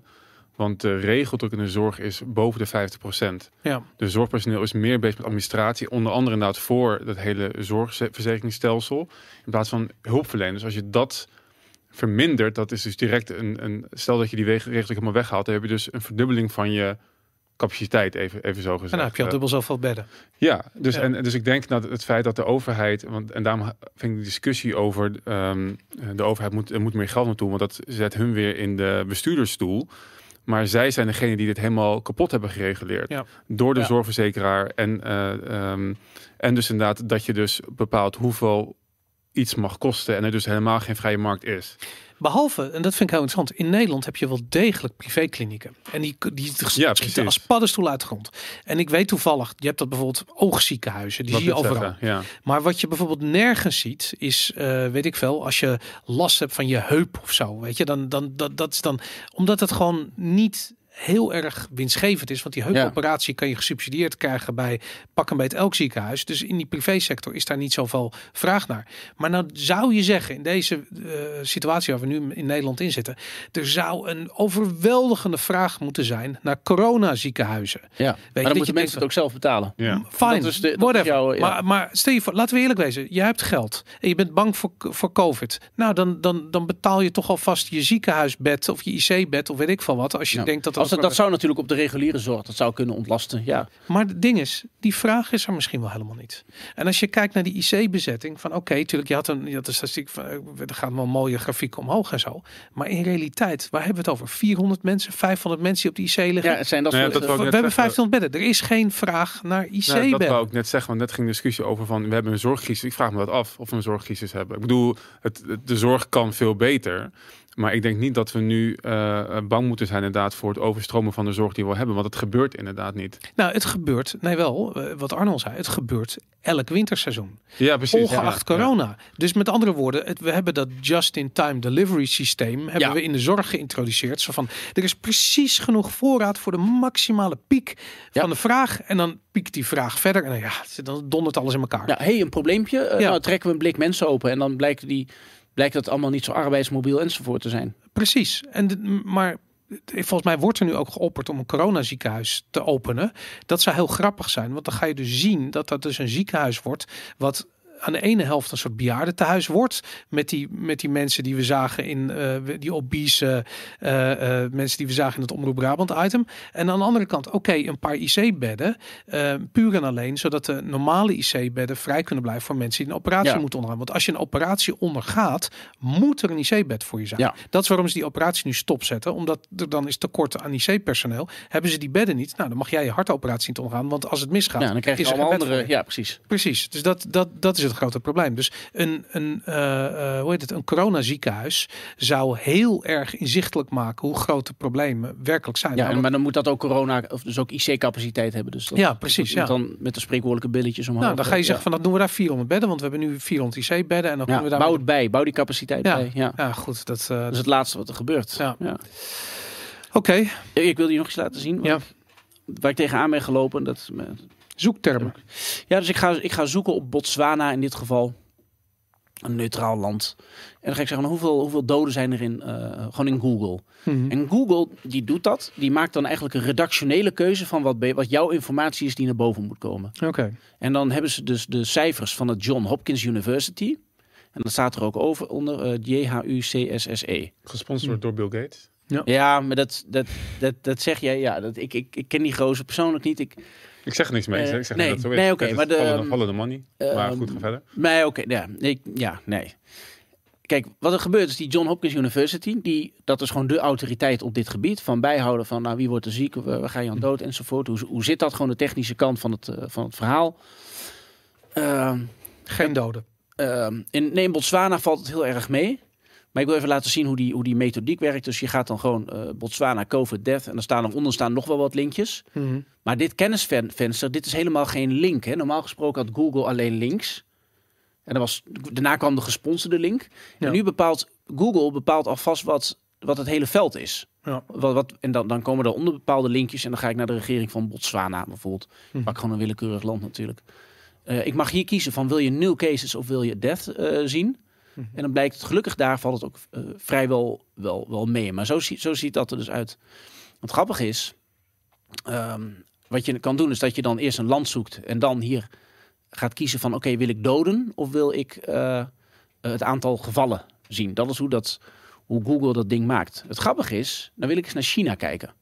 Want China is ons grote voorbeeld. Hè. China die helpen, want die, die, zijn de- die laten zien hoe je uit de pandemie komt. Het grappige is dat als ik op doden sta, COVID death, en ik wil China aanklikken, dat mag niet. en dan kun je zeggen, ja, maar dan kun je via de andere weg. Dan ga je dus naar Finland of Botswana, ehm, COVID cases, en dan vanaf daar op het knopje death klikken. Mhm. Maar dat mag ook niet. Je mag, Je mag, geen- je mag, geen niet, je China mag van Google niet zoeken op China sterfgevallen. Kan het niet zijn dat ze gewoon geen bron hebben voor de China-sterfgevallen? Die is er. Ehm, ik krijg nog een officiële reactie, en niet uit China, maar volgens mij van die JHU, die John Hopkins University. Mhm. Dus op een gegeven moment, dus voor de, voor de mensen thuis, je had toen die. Dus op een gegeven moment was corona, was duidelijk dat dat aan de hand was. En toen had eh, Trump, die was toen nog president, en die had een aantal mensen op zijn podium. En was hij heel trots dat hij zei van, eh hey, we're the best prepared and we have the best doctors. It's great, it's fantastic. Mainstream media are lying. Eh here's the John Hopkins University. En dan liet hij die zien, hè, de JHU. En die gingen alles vertellen van eh, ehm, hoe dat werkt. En die mensen, Mhm. die verzamelen dit. En die hebben een probleem om, eh, om deze Chinese cijfers, die ook gewoon niet kunnen, om, eh, om, om die te tonen. En ehm Hoezo kunnen ze niet? Ze kloppen niet. Dat klopt toch... eigenlijk gewoon Ja, niet. ja. Alleen daar baseren we wel ons beleid op. En het grappige is, dus ik ben eens wat gaan doorzoeken, dat eh, John Hopkins University, die heeft ehm, voor allerlei landen, dus ik heb hier dan nou, gewoon willekeurig Rusland gedaan. Dan krijg je een dashboard. En dan met ook bronvermelding. En er zitten allemaal cijfers achter. Ehm, nou, wat we dan zien is dan hier total cases. Dat is de rode grafiek. Mhm. En total death. En dat mag je bij China. Dat is dus dubieus kennelijk. En in nou, Niks, ze Rusland- hebben geen data van China. Je ziet het ook gewoon. Ja, dus, dit is een grote lege plek op de kaart. Ja. Heel, heel scherp. Dit valt meteen op. Ja. Dan kun je zeggen, ja, er zijn al meer lege plekken. Ja, dit is Jakutië en dit is Siberië. Maar Daar woont niemand. daar wonen niet zoveel mensen. Hier wonen 1,4 miljard mensen en het virus komt hier vandaan. Ja. En daar was het als eerste. Dus, dus zij waren ook least prepared. Ja. Dus je zou verwachten dat hier, hier allerlei rode eh, stippen staan. En niet op de Balkan bijvoorbeeld. Dan Maar kijk, wat ik dan nog wel vind, er staan gewoon geen, er is geen data uit China. Dus het is niet, er is niet, ze er is niet onduidelijke of, of, of nepdata. Er is gewoon geen data. Ja, er is, er is interessant genoeg data, maar dat, die, die, die is zo vaag. Of Mhm. als je er naar kijkt, dan geloof je het al niet. Ja. En eh, dat zal ik je laten zien. Ehm, Ik begrijp niet wat voor belang China daarbij heeft. Om... nou, China wil zichzelf. China heeft de, wil liegen over eh, de ernst van die pandemie. Oké, omdat ze dan zelf niet een soort van aansprakelijk gehouden kunnen Ja. worden. Terwijl Dat- ze in dat het ik. begin die video's dat mensen dood op straat neervielen, die achteraf gewoon nep bleken te zijn. Ja, nou toen was denk ik misschien de, de, was de angst gecreëerd. Ja. En toen dachten ze van, hm, het staat eigenlijk heel slecht als China eh, dit niet onder controle heeft. Ja. En, maar ik zal je dat laten zien wat er gebeurt. Dus ik, wil, ik ga je een leuke eh, strikvraag stellen. Mhm. Ik heb hier een aantal landen. Eh, en ik heb de- al deze gegevens die komen uit die John Hopkins University. En ehm, dan denk je, ja, Macedonië, Moldavië, Litouwen. Wat, waarom vergelijk je die met China? Maar dat zal je verbazen. Ehm, en heb ik, oh, ik geef het nu al weg. De, ik wilde je een, een, een Ja, prijsvraagje doen. China Ja, staat er al. ik wilde je een, eh, ik doe het verkeerd. Ik wil je een prijsvraagje stellen van eh, welk van deze landen heeft de minste coronadoden? En dan Ja. zouden jullie natuurlijk hebben gezegd dat zijn Moldavië of Macedonië Ja. omdat die de minste inwoners hebben. Maar het grappige is dat volgens die John Hopkins University en de eh, eh, Google, die durft dat dus niet één op één door te geven, heeft ehm, bijvoorbeeld Moldavië met 2,6 miljoen inwoners heeft eh, kleine 9000 doden, 8869. En China 4849.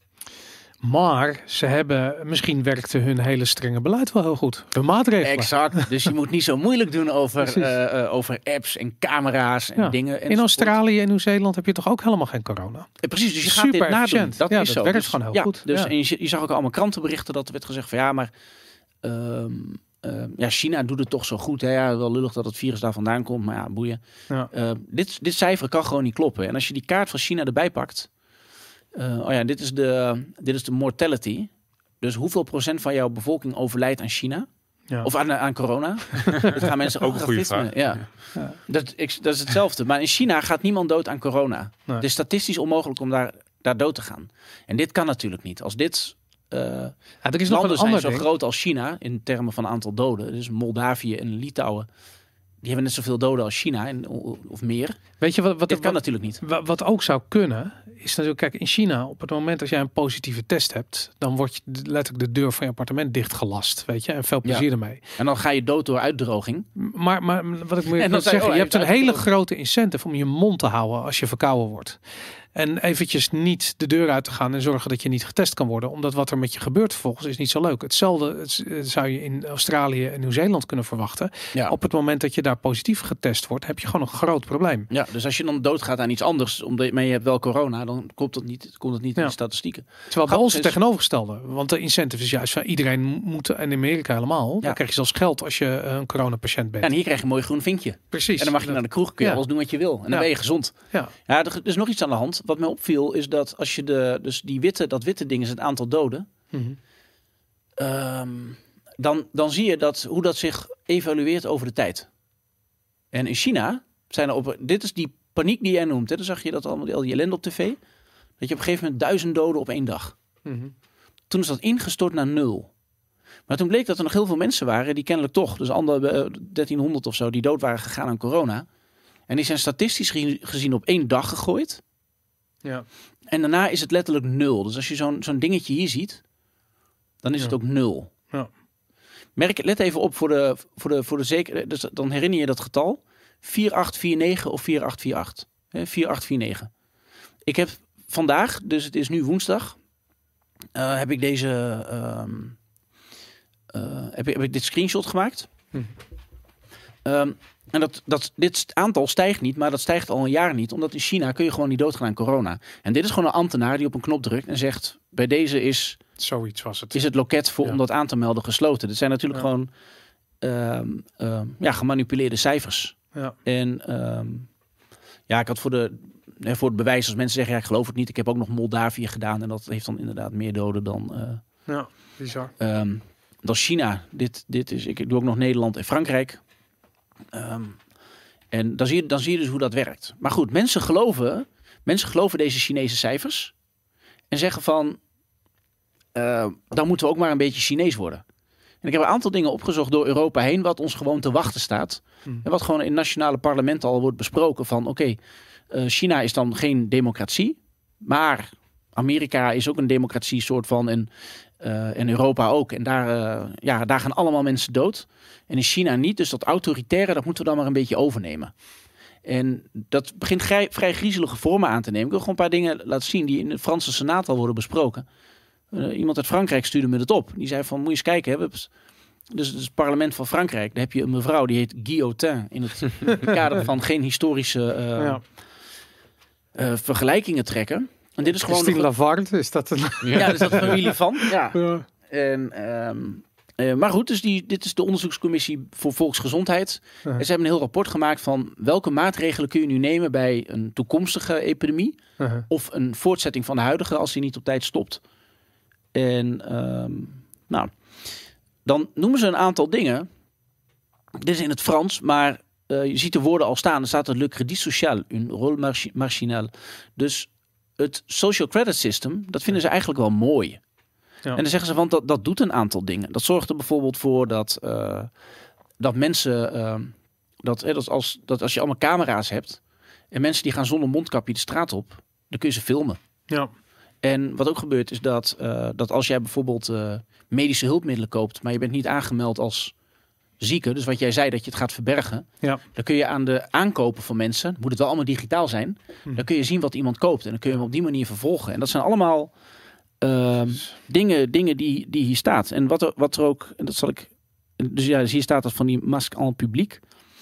Van, Maar kijk, Dat- dat, dat je dat dit soort shit besproken wordt, begrijp ik wel. Nee, maar het begint- het een wordt- het- is- erover heeft. Maar nee, maar die, die, kijk, die dingen die, die, die, die gebeuren al. Ja. Wat, er, wat er gebeurt is dat ze zeggen het ook, la stratégie Ja. Chinoise Ja, globalement une grande réussite Ja.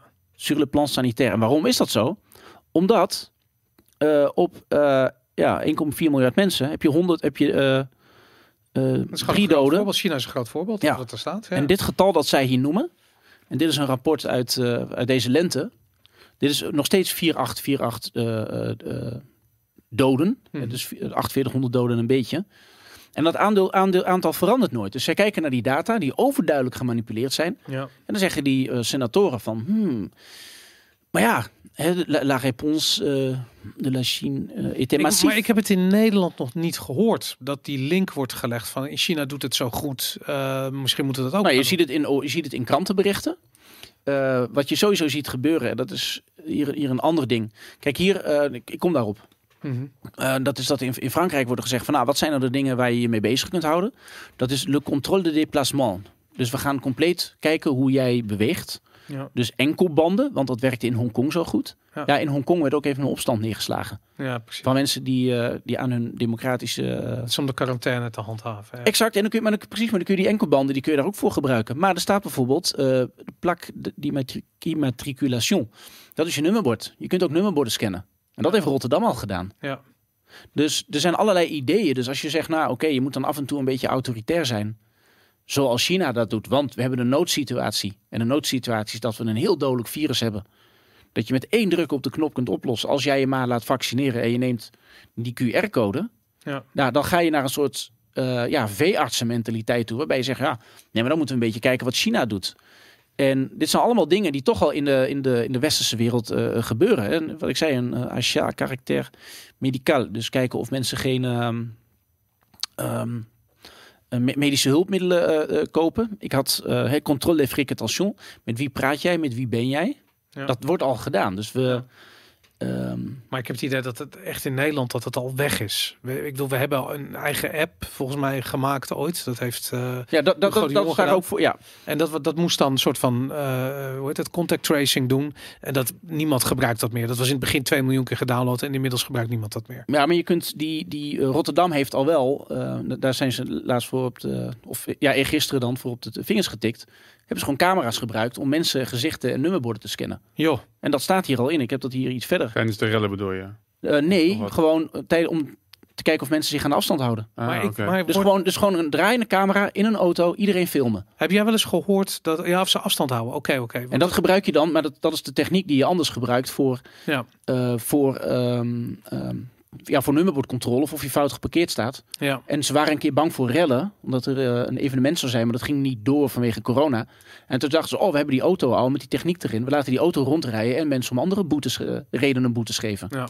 En dan ga je ver over alle wetgeving heen. ja. Maar dat doe je omdat jij vindt dat die noodsituatie dat rechtvaardigt. En dan mag af en toe een wet een beetje gebroken worden. Ja. En het, het begint echt hele rare vormen aan te nemen. Ik had, iemand stuurde me dit ook door. eh, dat bepaalde eh, ehm, ja, rassen, om het zo maar te zeggen.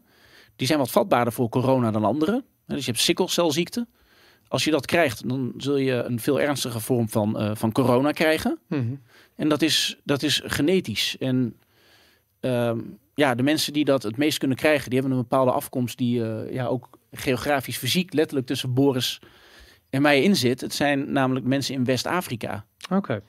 En daar staat er in dat rapport van die Franse Senaat, die zegt ook van ja, soms zijn, ja, het is natuurlijk discriminatie als je gewoon genen gaat meten. Ja. Maar dat is natuurlijk wel een volgende stap. Dat je gaat kijken van maar bepaalde volken en rassen, die zijn wat meer aangelegd om, eh, die meer aanleggen om een bepaalde ziekte te krijgen. En dan zeggen van ja, je maakt dan wel onderscheid op basis van de etnische eh, achtergrond. Mhm. Maar dan zeggen ja, het is objectivement pertinent. Ja.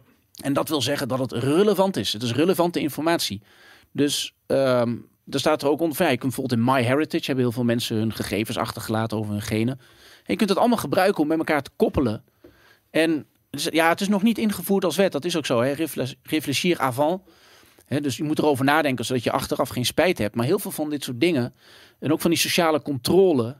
Dat, dat, dat heb je al. Nou, en eh, ik bedoel, dit is natuurlijk een doelgroep die in Nederland niet heel veel woont. Maar in, eh, als je kijkt naar West-Afrika, eh, er wonen heel veel West-Afrikanen in Frankrijk. Dat, is- dat is gewoon, ja, weet je- hier ook. Ja, zo, Met maar goed, niet zo. genen. Ja, oké, oké. Ja. je hier eentje. Ja. ja, jij bent een gevaar. Maar als je, als je zo, zo gaat denken, dat is ja, dat, dat, de, dat je zeg maar over alle. ehm en dat zijn ook de question vertigineuse, noemen ze dat. Ja. De, dus de hellende vlakken. Alleen die hellende vlakken, die ga je al heel ver over. ja, En als je kijkt wat er nu in, in korte tijd allemaal is gedaan.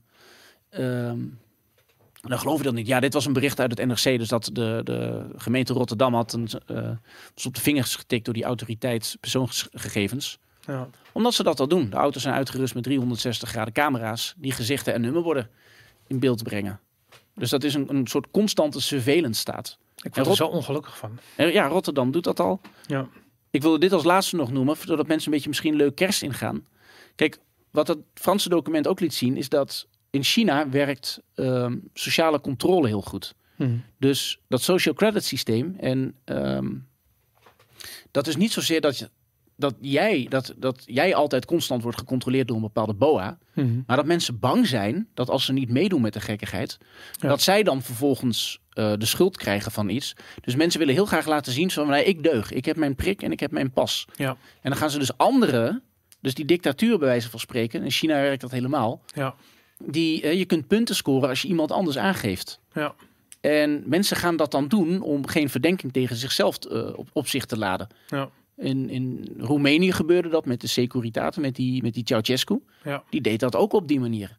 Ja. Dat werd ook in die documentatie Noord-Korea. Ja, Noord-Korea van. Je moet elkaar in gebouwen aangeven als iemand het niet goed doet. En datzelfde gedrag, en dat zie je nu gewoon in Nederland ook. Dus als je gewoon de krant openslaat, ik pak, laat nu drie dingetjes zien van mensen van columns, maar dat zijn ook mensen die ik gewoon respecteren of respecteren de.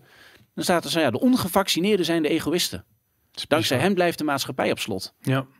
En dat is gewoon normaal om zo te praten. Dus Nee, en dat het Noord-Hollands Dagblad een platform vormt voor dit soort, soort van extreme meningen. Het dat, dat is ook zo. Je hebt, maar de Volkskrant doet dat ook. Ja. Dan staat er van, eh, ja, wie het vaccin weigert, moet zelf maar de rekening van de IC-opname betalen. het, het is echt een, het is een, een, een, een En, soort- en waarom mag je dat zeggen? Ja, het is een zeer effectief vaccin. Ja, Maar als jij nu die effectiviteit van die vaccins in twijfel trekt, ja, dan is het hele narratief dat daarop wordt gebouwd van gij zult prikken en die QR-app nemen ja. en dan is alles goed. Ehm, dat, vervalt, dat vervalt met studies die aantonen dat die effectiviteit niet goed is. ja. En ik denk dat we nu, eh, ja, Max Pam die doet hier ook aan mee. Ik zie niet voor mij hoe ik mij met ongevaccineerden kan verbinden. Ja, maar ik dat Het komt grap- niet bij. Ja, Maar het, het grappige is, kijk, hij geeft zelf, hij kiest zelf heel erg eh, ehm, een, een kant. Wat mij altijd zegt, kijk, deze mensen, het zijn, het zijn allemaal babyboomers. Ze zijn ontzettend bang om dood te gaan. Ze zijn gewoon Mhm. ontzettend bang voor corona. En ik bedoel, als je, ik, ik, ik herken dat. Ik zie dat ook om me heen. Mensen van die leeftijd zijn gewoon bang om dood te gaan. Dat is namelijk het eerstvolgende wat er staat te gebeuren. Dus dat, ja, nee, die, die Erdal bijvoorbeeld, die is niet zo oud. Nou, Max Pam dan wel. ja, maar, je- maar je oké. ziet het ook in de, in, in, in de supermarkt. Hè? Dat, eh, dat als je dan, dus ik had het net, eh, eh, ja, was- viel dat ding van me, een mondkapje hing je droeg geen mondkapje, Arno. Ja, Hoe kan- durf je? kan er wel om. De ik kan er wel pandemie hangen, van de niet mondkapjes dragen. ik zat na te denken of iets. Ja, precies, dat is het. Ja. Dat, da- dan krijg je dat en dan zijn er mensen die jou daarop aanspreken. Heb je dat echt? Ja, wou ik net zeggen. Ik heb het echt nog Nee. nooit, man. Maar dat, dat is, dat- dit was in Haarlem, in zo'n nette winkelstraat. Maar mensen, mensen in, we- in wezen, iedereen accepteert dit. Ik heb meer het idee Dus- dat mensen die mondkap opzetten omdat ze bang zijn om aangesproken te worden. Terwijl als je het niet doet, je niet aangesproken wordt. Sterker nog, ik krijg alleen maar positieve reacties als ik het niet doe. Ja, dat, dat krijg je ook wel. Dat mensen dan, dan zeggen van ja, het is ook een beetje overdreven. Laten we een beetje normaal doen. Het is oké, het zijn met name oudere mensen die je er dan op aanspreken van... eh, Ja. Eh, ja, zie je dan niet hoe erg het is? Maar de, de, de norm, hè, als je de kranten openslaat, als je een opiniestuk, als je naar een talkshow kijkt... zeg je dan, dan klap je laptop op en zeg je van nou, het is grappig dat je dat zegt. Ik, heb hier een Ja, presentatie. ik heb hier een paar en wat Ja, gegeventjes inderdaad. Dat, dat, dat is waar je heen gaat. Maar die, wat, wat- waar ik naartoe zou willen, wat ik zei, die Remy Bonjaski, die zit dan bij Jinek, valt zo'n hele tafel over hem heen. Ja. ben je helemaal gek geworden. Je begint over gezond leven, terwijl iedereen geprikt moet zijn en die QR moet hebben, dat soort dingen. Ja. De norm is, de norm is dat je gewoon met z'n allen heel fel en agressief over degene heen valt die niet gevaccineerd is. En, ehm, eh, en ik, waar ik bang voor ben, maar je ziet het, wat ik zei, je ziet het al gebeuren, Mhm. is dat dat conflict, dat wordt vele malen harder. Ja. Want degene die heel hard geloven in prikken is gezond, Ja. als een soort religieuze Ja. ehm, eh, stelregel, die, willen niet, die, die zullen nooit een studie die de effectiviteit een beetje in twijfel trekt, die zullen dat nooit te hard gaan lezen. En degene die al sceptisch waren, die gaan zich nu niet ineens laten prikken. Dus ik ken ook gewoon gezinnen, eh, maar ik zie het ook in, in, in vriendenkringen ehm, heel- van heel dichtbij. Dat, dat dat gewoon vriendschappen en families en, en zelfs relaties kan verstoren. Ik ken Ja. iemand die waarbij de relatie is uitgegaan omdat ze hier ruzie hadden over gekregen. Ja, dan moeten maar ze snap ik. Maar goed, dan En- was het al een slechte relatie, denk ik hoor. ja, maar ja, Nou goed, Ja, maar ook- le- het, kijk, maar dit, maar ik hoor je, ik hoor Ja. je. Dit, dit, dit, dit is aan het verharden. Aan de andere kant heb ik zoiets van, je krijgt nu ook steeds meer data de andere kant op. We hebben Gibraltar gezien, wat bijna 100% gevaccineerd is, waar nu grote uitbraak is. Ehm, je ontkomt er niet aan dat je op een gegeven moment, zelfs al, al ben je nog zo'n extreme pro-vaxxer, ehm, op een gegeven moment moet je nadenken en denken van Jesus Christ, weet je wat, de prijs die we betalen voor die, voor die polarisatie is wel heel groot. Ja. Want niemand wordt blij hiervan. Of je nou pro of anti bent, niemand wordt blij van die ruzie. ja, die, die agressie en het geweld dat je ziet. Ja. En dan, dan hebben we dus nu nog niet eens code zwart. Er wordt over gesproken. Mhm. Maar je, we, we gaan nu heel binnenkort naar een nieuwe lockdown toe. Ja. Dat, dat zie je gewoon aan, aan alles gebeuren. Ja, Ehm, en dan heb je dus een lockdown zonder, zonder uitzicht. Dan kun je ook. Ik durf de voorspelling aan dat ook in Nederland dat gedwongen vaccineren gaat komen. Hè, want Nederland loopt steeds twee maanden achter bij Oostenrijk. is dat zo? Ja, Het is wel toen, extreem ver. We krijgen Q, ik moet het valt nog maar te zien of ze die Q, eh of wat is het die, die 2G. 2G er doorheen. eh, re- reken daar maar op. Maar dat, Ja. dat, dat zullen we dan zien. Ehm, die, die, die repressie die zal wel ve- steeds verder gaan. En op een gegeven moment zit je gewoon ver in de 90% met gevaccineerden. En terecht wat je zei met Gibraltar. krijg je Wat ga je dan doen? Wie ga je dan de schuld geven? Ja. En dan, maar dan heb je ook geen hoop meer. Het voordeel van de ongevaccineerden als zondebok, om het zo maar te zeggen, Mhm. is dat je maatschappelijke agressie op Chinese stijl, hè, eigenlijk, gewoon dictatoriale stijl. Wij worden een soort China. Ja. Ehm, dat je dat, dat heel veel mensen die stok nog hebben, maar straks zijn ze dat ook kwijt. Ja. Dus ja, Nou ja, goed, dan ga ik toch, eh, toch iedereen oproepen om die prik te ja. Nee, ik, ja, ik, zou, ik hoop dat, dat mensen zich dan een beetje Hmm. kunnen inhouden. Dat je het kerstdiner niet laat verstieren. Nee, Want het kerstdiner, dat doe je in een lockdown. En je hebt hier nog een ruzie over. En je gaat naar prik 3 en prik 4 en prik 5. En misschien moeten we gewoon leren om hiermee te leven. Dat zou het zijn. Dankjewel Arno. Nou, heel graag gedaan, soort of. Ja.